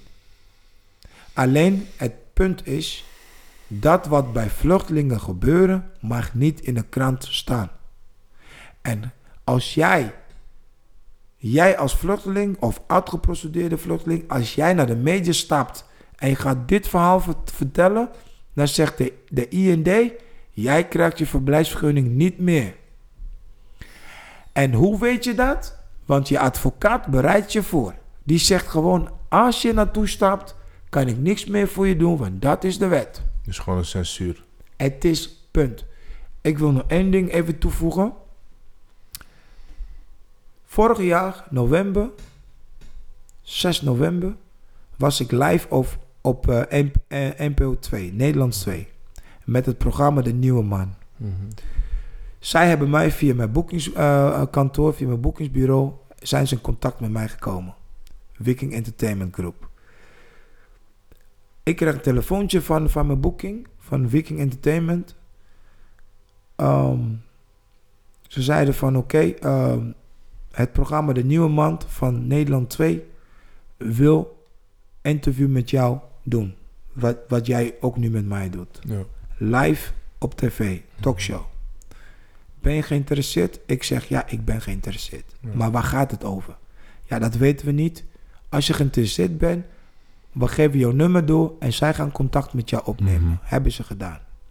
Toen heb ik dit verhaal in detail aan hun gemededeeld. Ik heb alles verteld. Ik zei, er zijn heel veel liedtekens. Mijn vader, mijn moeder, ons gezinnetje, inclusief ik. Ik wil graag dat dit verhaal in de media komt. Ja. Ze vonden het heel geïnteresseerd. Ze waren helemaal onder de indruk. Mhm. En natuurlijk, het deed hun zoveel pijn om te horen dat dit soort dingen gewoon in Nederland dagelijks gebeuren Ja. onder mensen als wij. Maar dat moest eerst besproken worden met het programma Nederland 2 Ja, met de, en natuurlijk met de IND. En de overheid moet daar ook een zegje doen. Want het is een geheim wat naar buiten komt, wat niet naar buiten mag komen. Ik heb alle bewijs hier. dus een stukje censuur. Dus een stukje censuur van de overheid uit. Blijkbaar. Juist, juist. Ik heb mijn mobiel hier bij me. Ik heb hele gesprekken hier. Alle bewijzen, papieren bewijs van mishandeling, alles wat gebeurd is, heb ik hier. Op, op WhatsApp met de nieuwe man. Eindstand. Bolivar. Op die datum sta je live daar. We gaan het hebben over jouw initiatief voor jonge talenten in het land waar je wegkomt.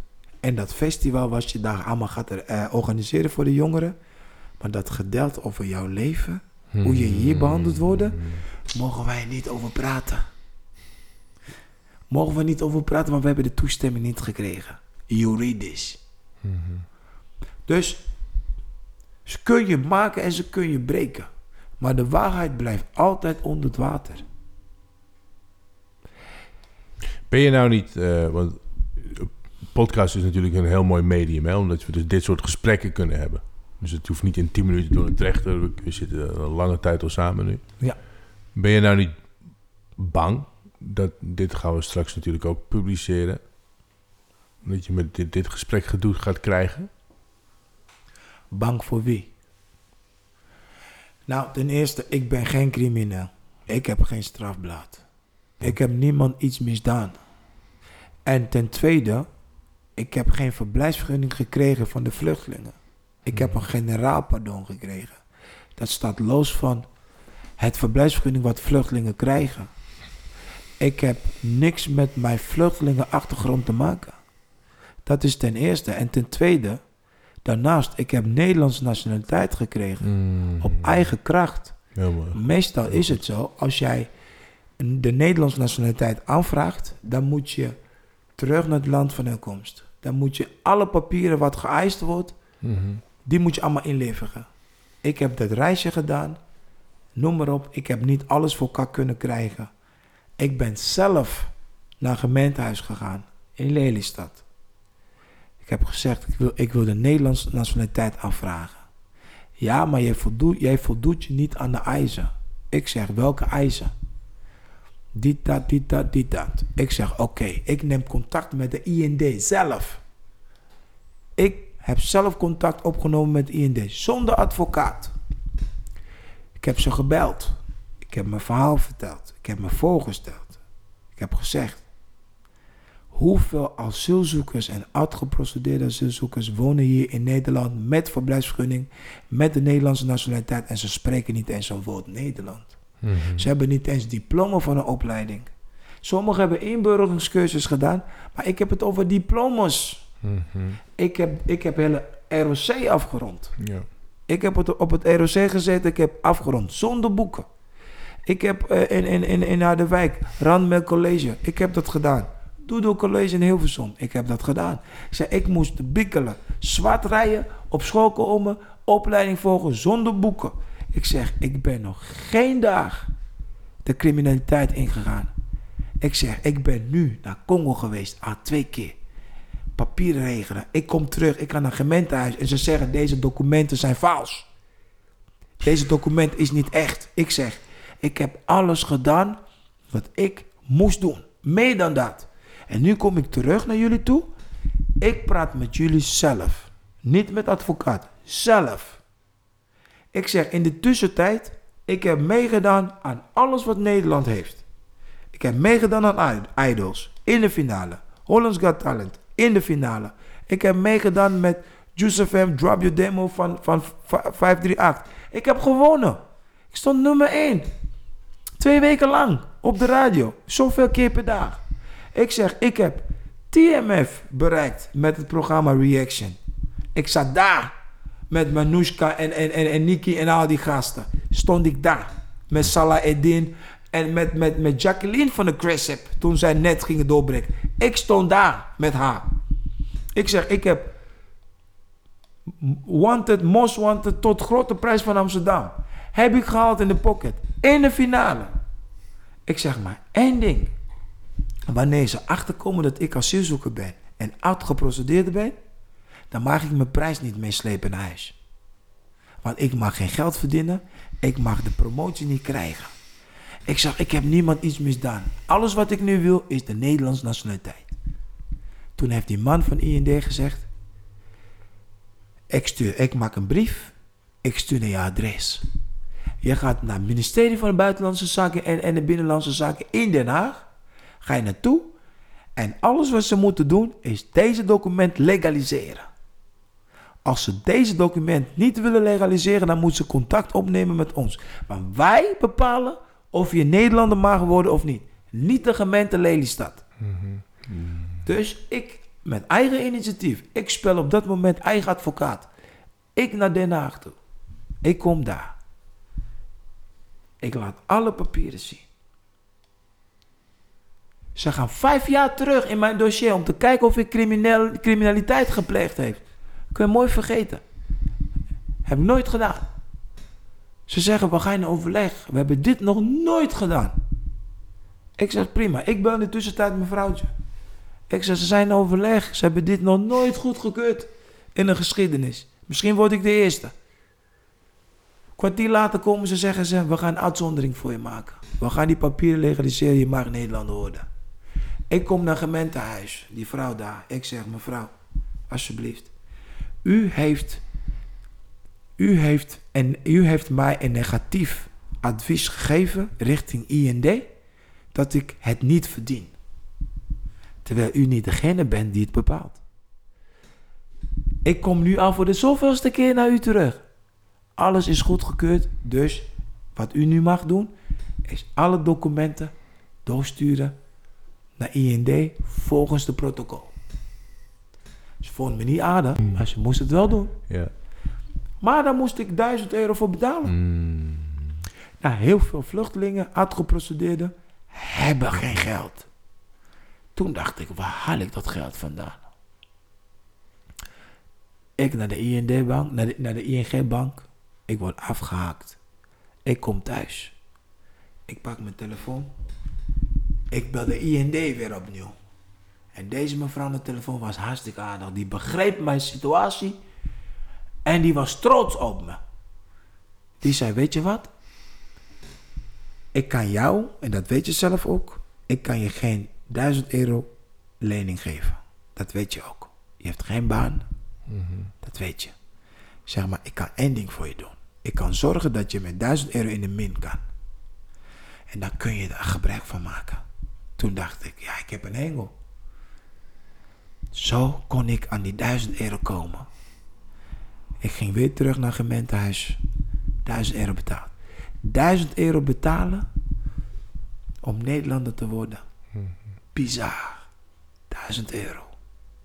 Het is bizar. Plus betalen voor mijn paspoort en mijn identiteitsbewijs. Bizar. 1000 euro. Heb ik gedaan. Dus ik kreeg mijn papieren. En eh,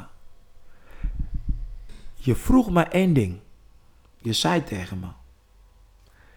Dat leven in Duitsland.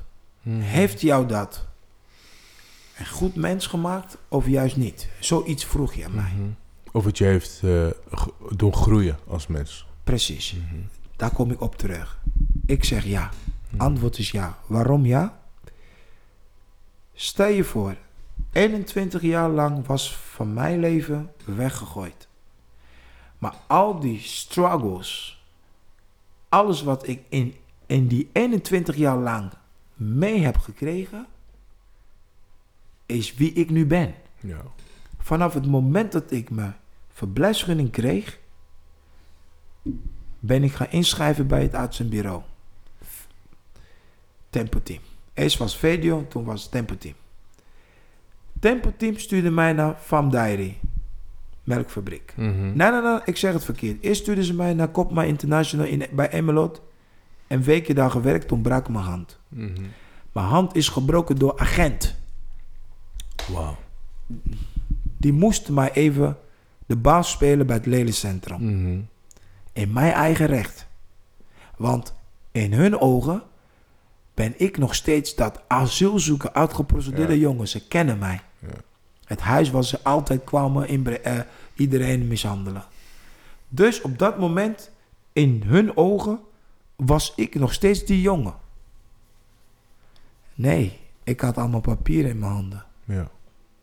En ik kreeg op dat moment een huisje, maar onze eerste huurhuis, in de Jo, samen met mijn vriendin. Maar moet dat een machtig gevoel zijn geweest trouwens? Ja, Als je je eigen huisje kreeg. ja, ja. Weg thuis. van de straat. Weg bij mijn schoonmoeder. Weg van de straat. Weg van mijn schoonmoeder. Weg bij mijn ouders. Op een gegeven moment krijg je ook woordenwisseling met je ouders. Hè? Ja, natuurlijk. Dat heb ik ook gehad. Ook een van de redenen waarom ik op straat kwam. Maar ik neem ze niet kwalijk, want dankzij hun ben ik deze jongeman geworden. Dus ik neem ze niet kwalijk. Ik neem ze niet kwalijk. Maar je hebt een ruzie gehad met je ouders. Ja.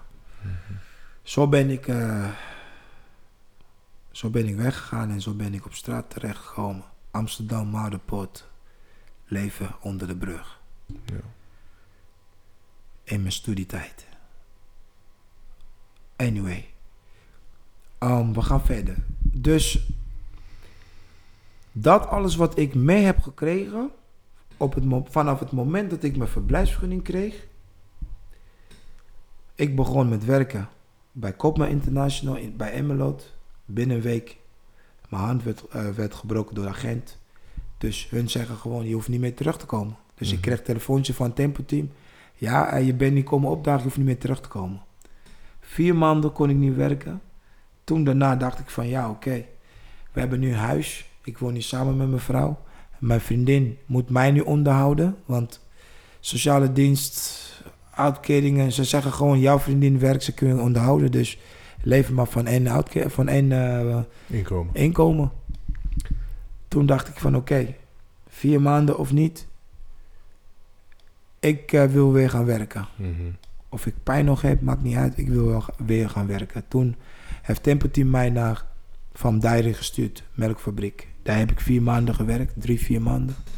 En toen kregen hun botsing onderlinge.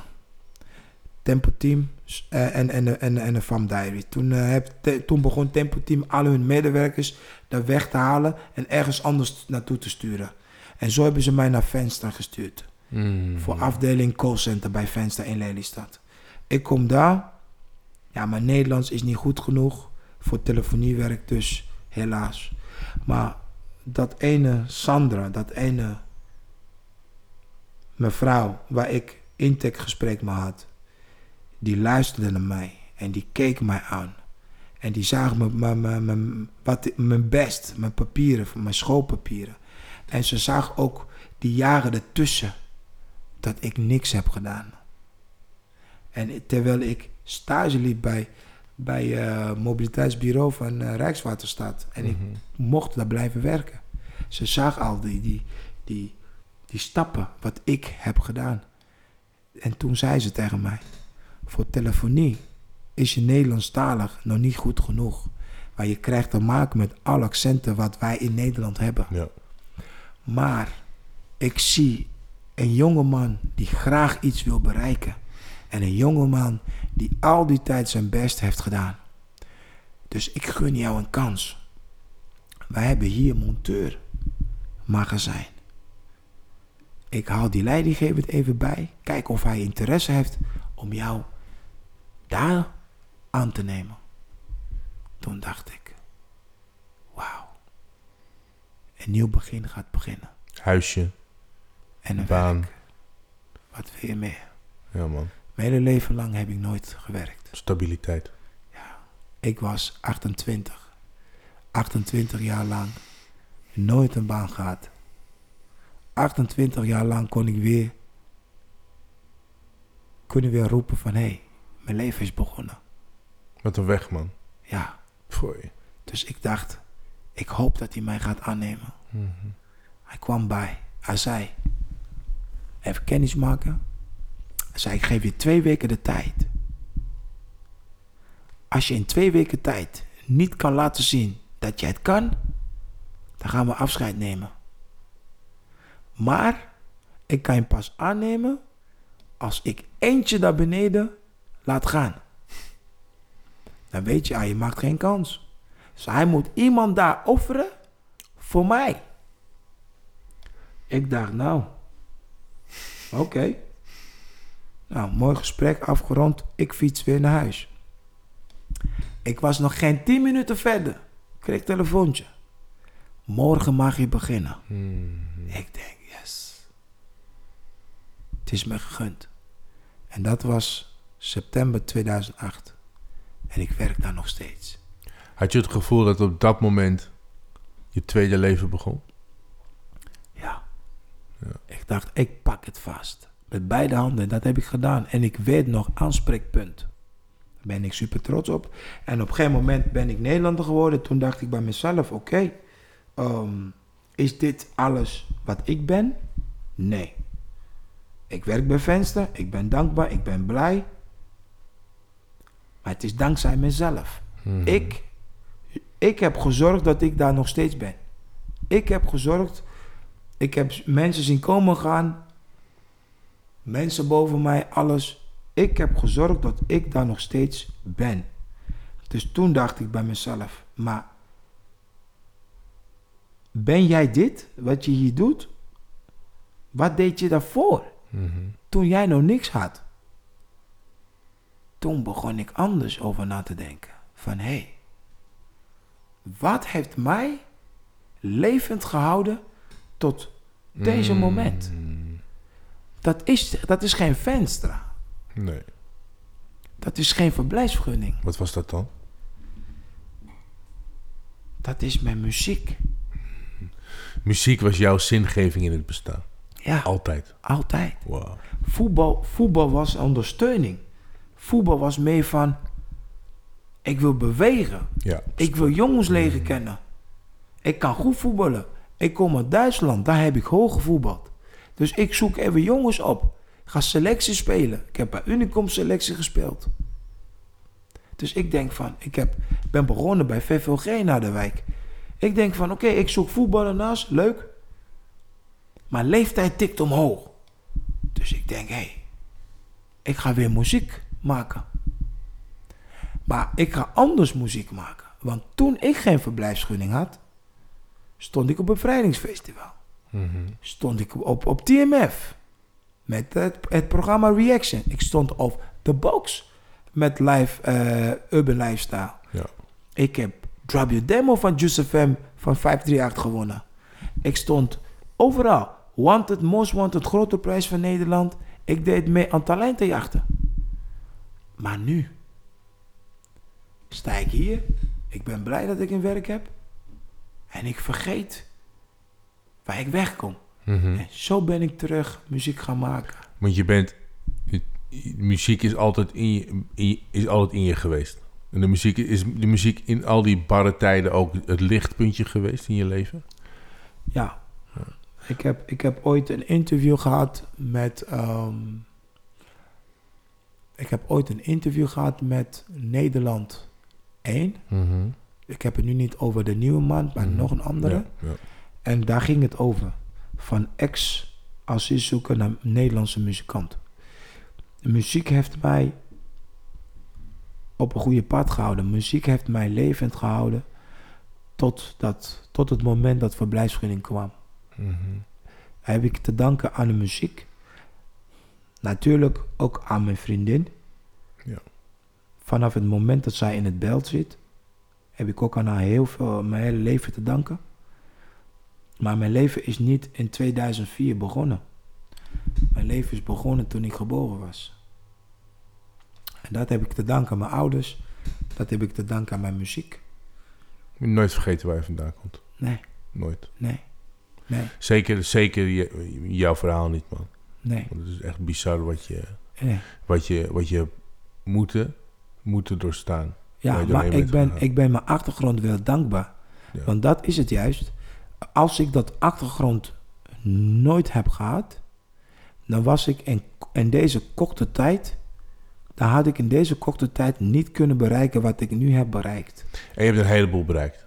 Ik heb, ik heb, ik heb, ik heb, In, in ik de heb alles bereikt wat omstandigheden, een man wenst. in de omstandigheden waar jij in hebt gezeten, Ja. is er eigenlijk, zijn er eigenlijk geen excuses meer om dingen niet te doen. Nee, Dat is een heel inspirerend, inspirerend verhaal, man. ja, En je doet nu, ehm, want de situatie waar jij in zat, waar jullie nu niet meer in zitten, gelukkig, in Congo en Senegal en andere landen in Afrika, West-Afrika, zijn er nog steeds veel mensen die in deze situaties leven. Dus ja, is er nog steeds zoveel onrust in Congo? ja, ja. Kijk, eh, ja, ik kom nu heel veel terug. Ik kom nu vaak terug. Ja, want je, je, je, je, organiseert, je doet heel veel goede dingen ook in het land. Hè? Ik doe heel veel goede dingen, goede doelen. Mhm. Uh, maar niet, en niet in Kinshasa, waar ik geboren ben. Het is meer aan de westenkant. Mhm. No Kivu. Dus Goma, Beni, die hoek. Waarom? Waarom daar? Dat komt eigenlijk door het Amani Festival. Ik ben in 2017... Ik heb op YouTube heb ik, heb ik daar wat, wat van gezien inderdaad. Amani, hè? Dus als mensen willen kijken, YouTube Amani Festival. Amani Festival. Congo. Congo. Mhm. 2017 eh, was ik eh, gevraagd om daar naartoe te komen optreden. 2015 was ik al gevraagd. Toen ben ik niet gegaan. Omdat ik in 2014 hartaanval kreeg. Dus ik was aan het revalideren. Pff, heb je een hartaanval gehad, man? Twee keer. Shit. Ik, heb, ik, ik kwam terug uit Congo, Kinshasa. Ik ging naar Congo, Kinshasa. Mijn tweede album opnemen. Ik weet niet of ik dan een virus opgelopen heb. Geen idee. Maar voordat ik naar Congo ging, had ik al hartklachten. Mhm. Maar de huisarts wou me niet geloven. Ze zei altijd, al die jaren, het heeft te maken met je achtergrond. Nou, dat was dus niet. Ik kom terug en eh, in, in eh, september, eind september kwam ik terug. Eh, vrijdag 6 december 2014. Die datum vergeet je niet meer. Mhm. Boom. Ik zat op de snelweg In de auto. in de auto. Alleen? Alleen. Niet best. Ik voelde het. Ik voelde het aankomen. Ik denk, ik moet dit auto uitkomen. Ik moet hier weg. Mhm. Voordat iets gaat gebeuren, ik moet dit auto verlaten. Bij de, bij de Shell kwam ik het uit uit. Ik kon niet meer goed recht staan. Ik loop naar binnen. Ik roep hulp. Was niet eens nodig. Ze zagen me binnenkomen en ze, ze zagen al van dit is niet goed. Ja. Toen, toen vroegen ze, moeten we ambulance bellen, ambulance bellen? Ik zeg, eerst mijn vrouwtje bellen.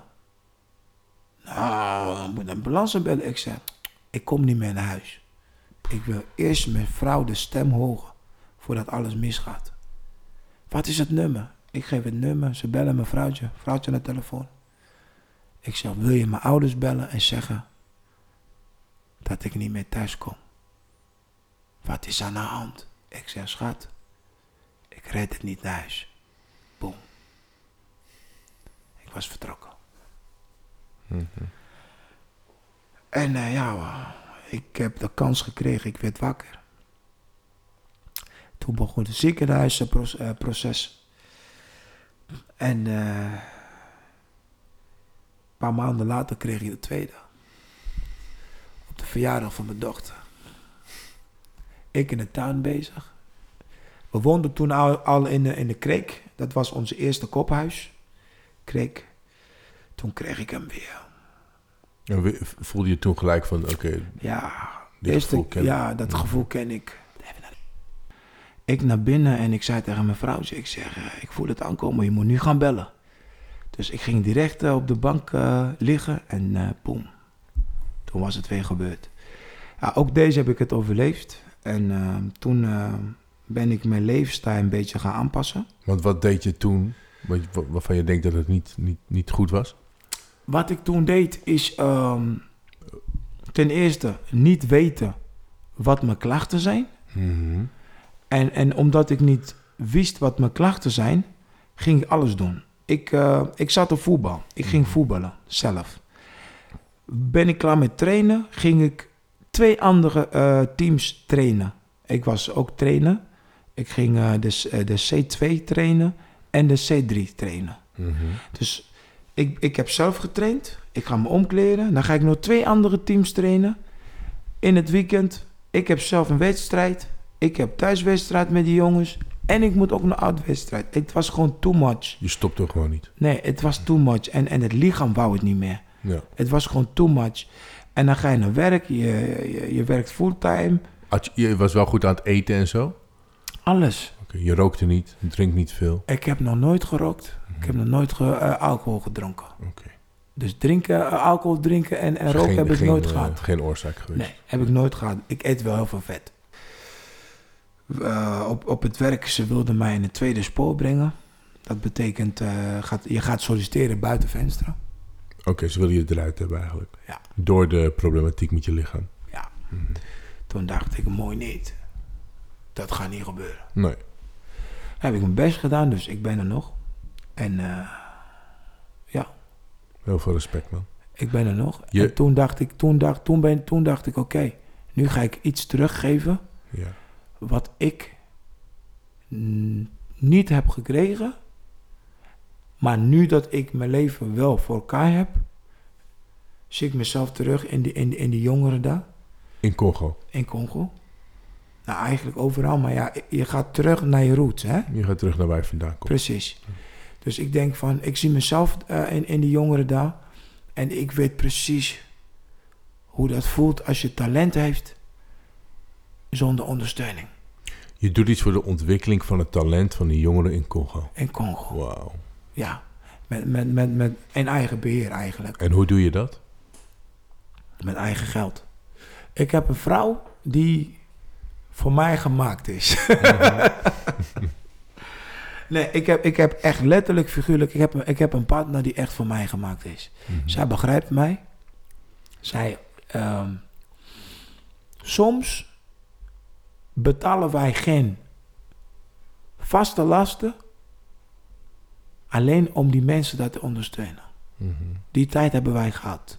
Dat wij elkaar keken, aankeken en we zeiden, weet je wat? En de prioriteit in Congo lag. Ja, we gaan deze keer even bikkelen en we gaan daar helpen. En je weet ook dat het geld wat je overmaakt aankomt bij de juiste mensen. Nee, ik mag geen geld over. Oké, Kijk, daar hebben wij over gehad. Hmm. Over dat Giro 555. Toen die knipte. Juist. Voor mij mogen ze dat afschaffen. Ik maak Je zegt dat mogen ze afschaffen over. omdat het geld eh, niet aankomt. niet aankomt bij de mensen die er echt belang, die er echt iets aan hebben. Maar dat het naar de zakken gaat van de corrupte mensen Juist. binnen de landen in Afrika. Juist. En van 100, denk- en Mhm. van 100% 0,5 komt wel binnen Ja. in één kleine groepje mensen. En dat één kleine groepje mensen, dat zijn mensen. Iedereen heeft dat ondersteuning nodig, maar dat zijn mensen waar de camera graag wil komen. Ze zoeken zelf die plekjes. want die belden willen ze. Als ik naar Afrika kom, ondanks dat ik zelf daar wegkom, ook daar geboren ben, ik zie die mensen niet. Nee, die zitten diep Die in moet de- je gaan zoeken. Mhm. Hoe zieliger, hoe beter. Juist, die moet je gaan roepen en gaan zoeken. En, en, en, en, en, en, en, en dan vind ik dat ze ons manipuleren om te laten doneren. Ja. Ik heb ook jarenlang heb ik gedoneerd aan ehm War Child. Mhm. Op een gegeven moment ben ik ermee opgehouden. Toen dacht ik, ik ga niet meer doneren. Ik ga zelf brengen naar die mensen. Want, wat, want hoe, hoe, hoe, hoe help jij die mensen dan? Je gaat regelmatig naar Afrika toe, dat vertelde je net. Het is begonnen in 2017. Mhm. Toen ik uitgenodigd was voor het Amani Festival. Ik kwam daar, ik stond op het podium, ik doe mijn dingen. Maar ik werd begeleid door de muzikanten daar. En die heb ik ook naar Europa gebracht trouwens. Mhm. Ik heb vijftalige complete band naar Europa gebracht. Ze hebben ook verblijfsgunning gekregen. Mhm. Daar ben ik heel dankbaar voor. Dus ik zag talenten om me heen. Want ze weten, het, je wordt aangekondigd. Onze broeder, onze Congolese broeder, opgegroeid in Europa. Ja. Boli van Voelo.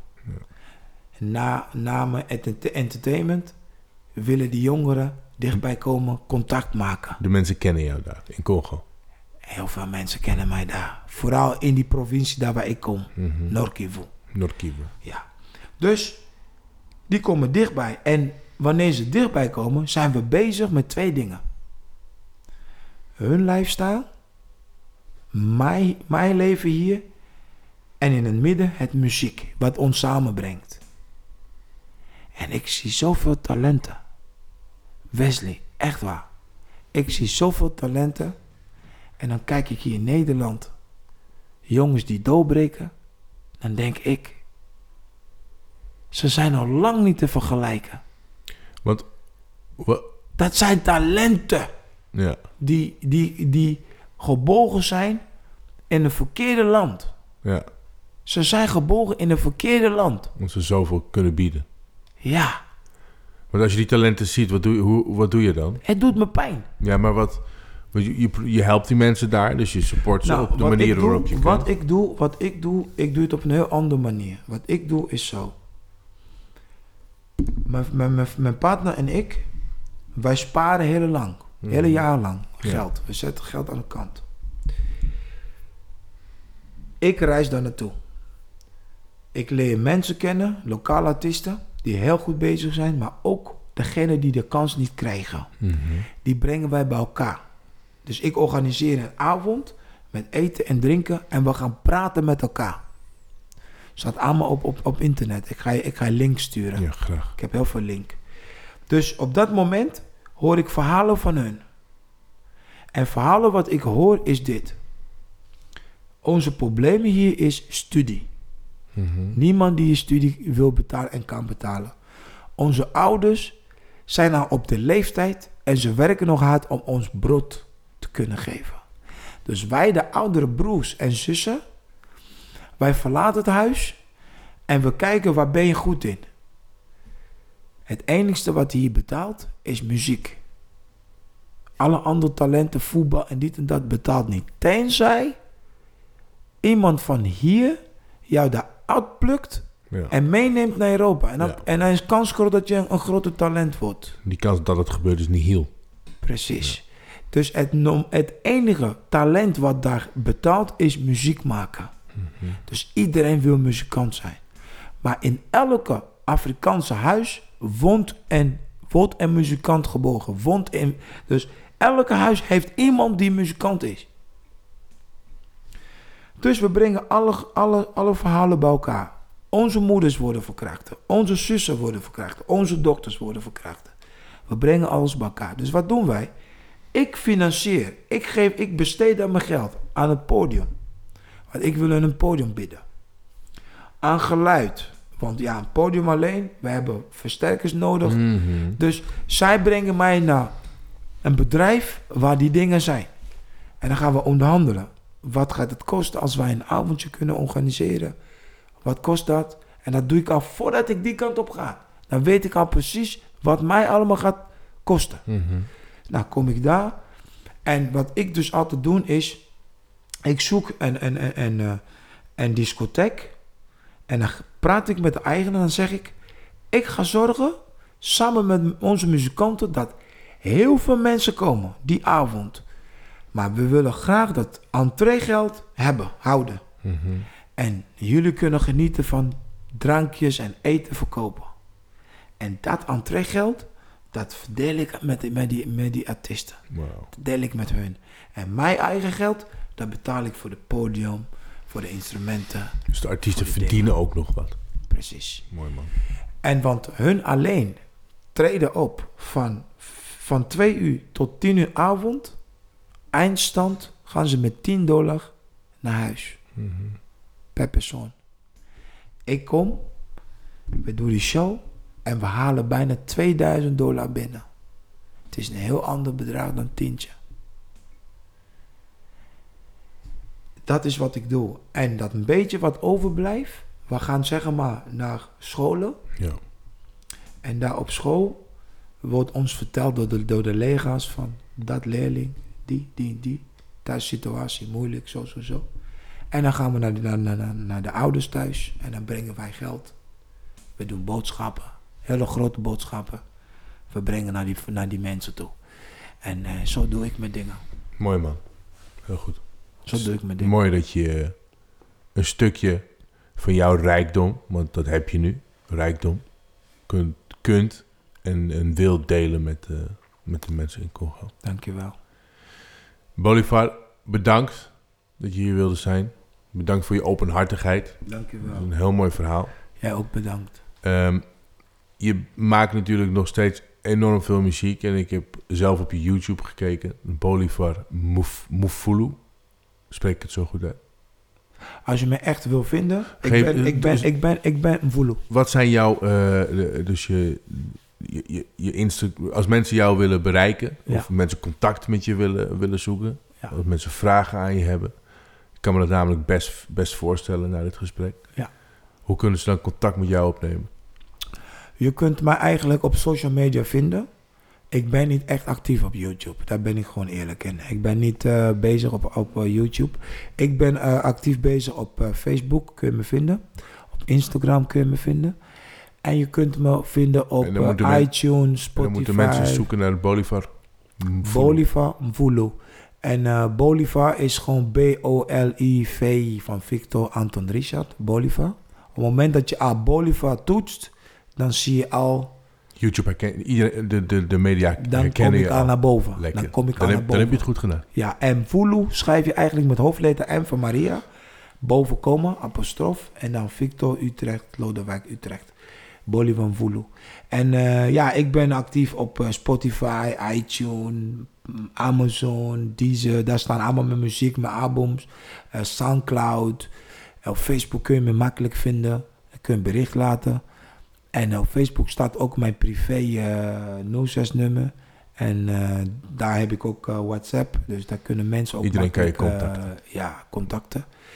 Ehm, daarnaast, ehm, mijn doel als artiest Ja. en een mens is ehm, om, eh, ten eerste is eigenlijk om iedereen, alle asielzoekers, overal waar ze ook zijn, stimuleren.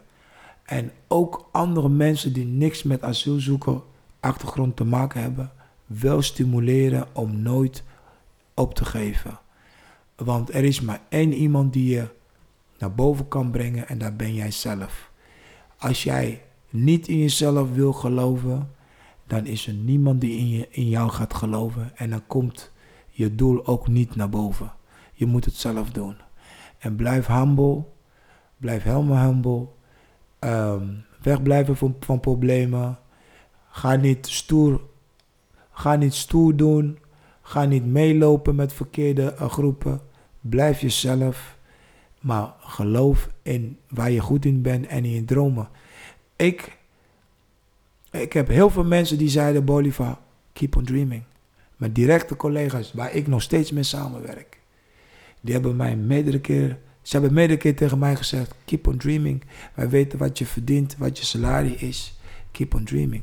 Toen dacht ik, jullie breken me niet af, jullie motiveren mij juist. Mhm. En toen dacht ik, waar kom ik vandaan?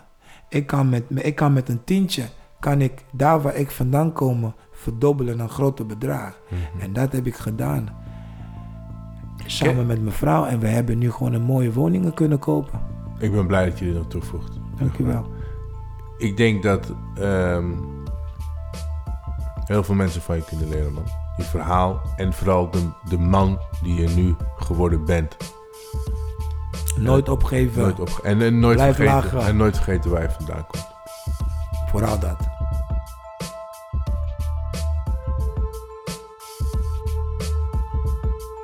The Beard Man.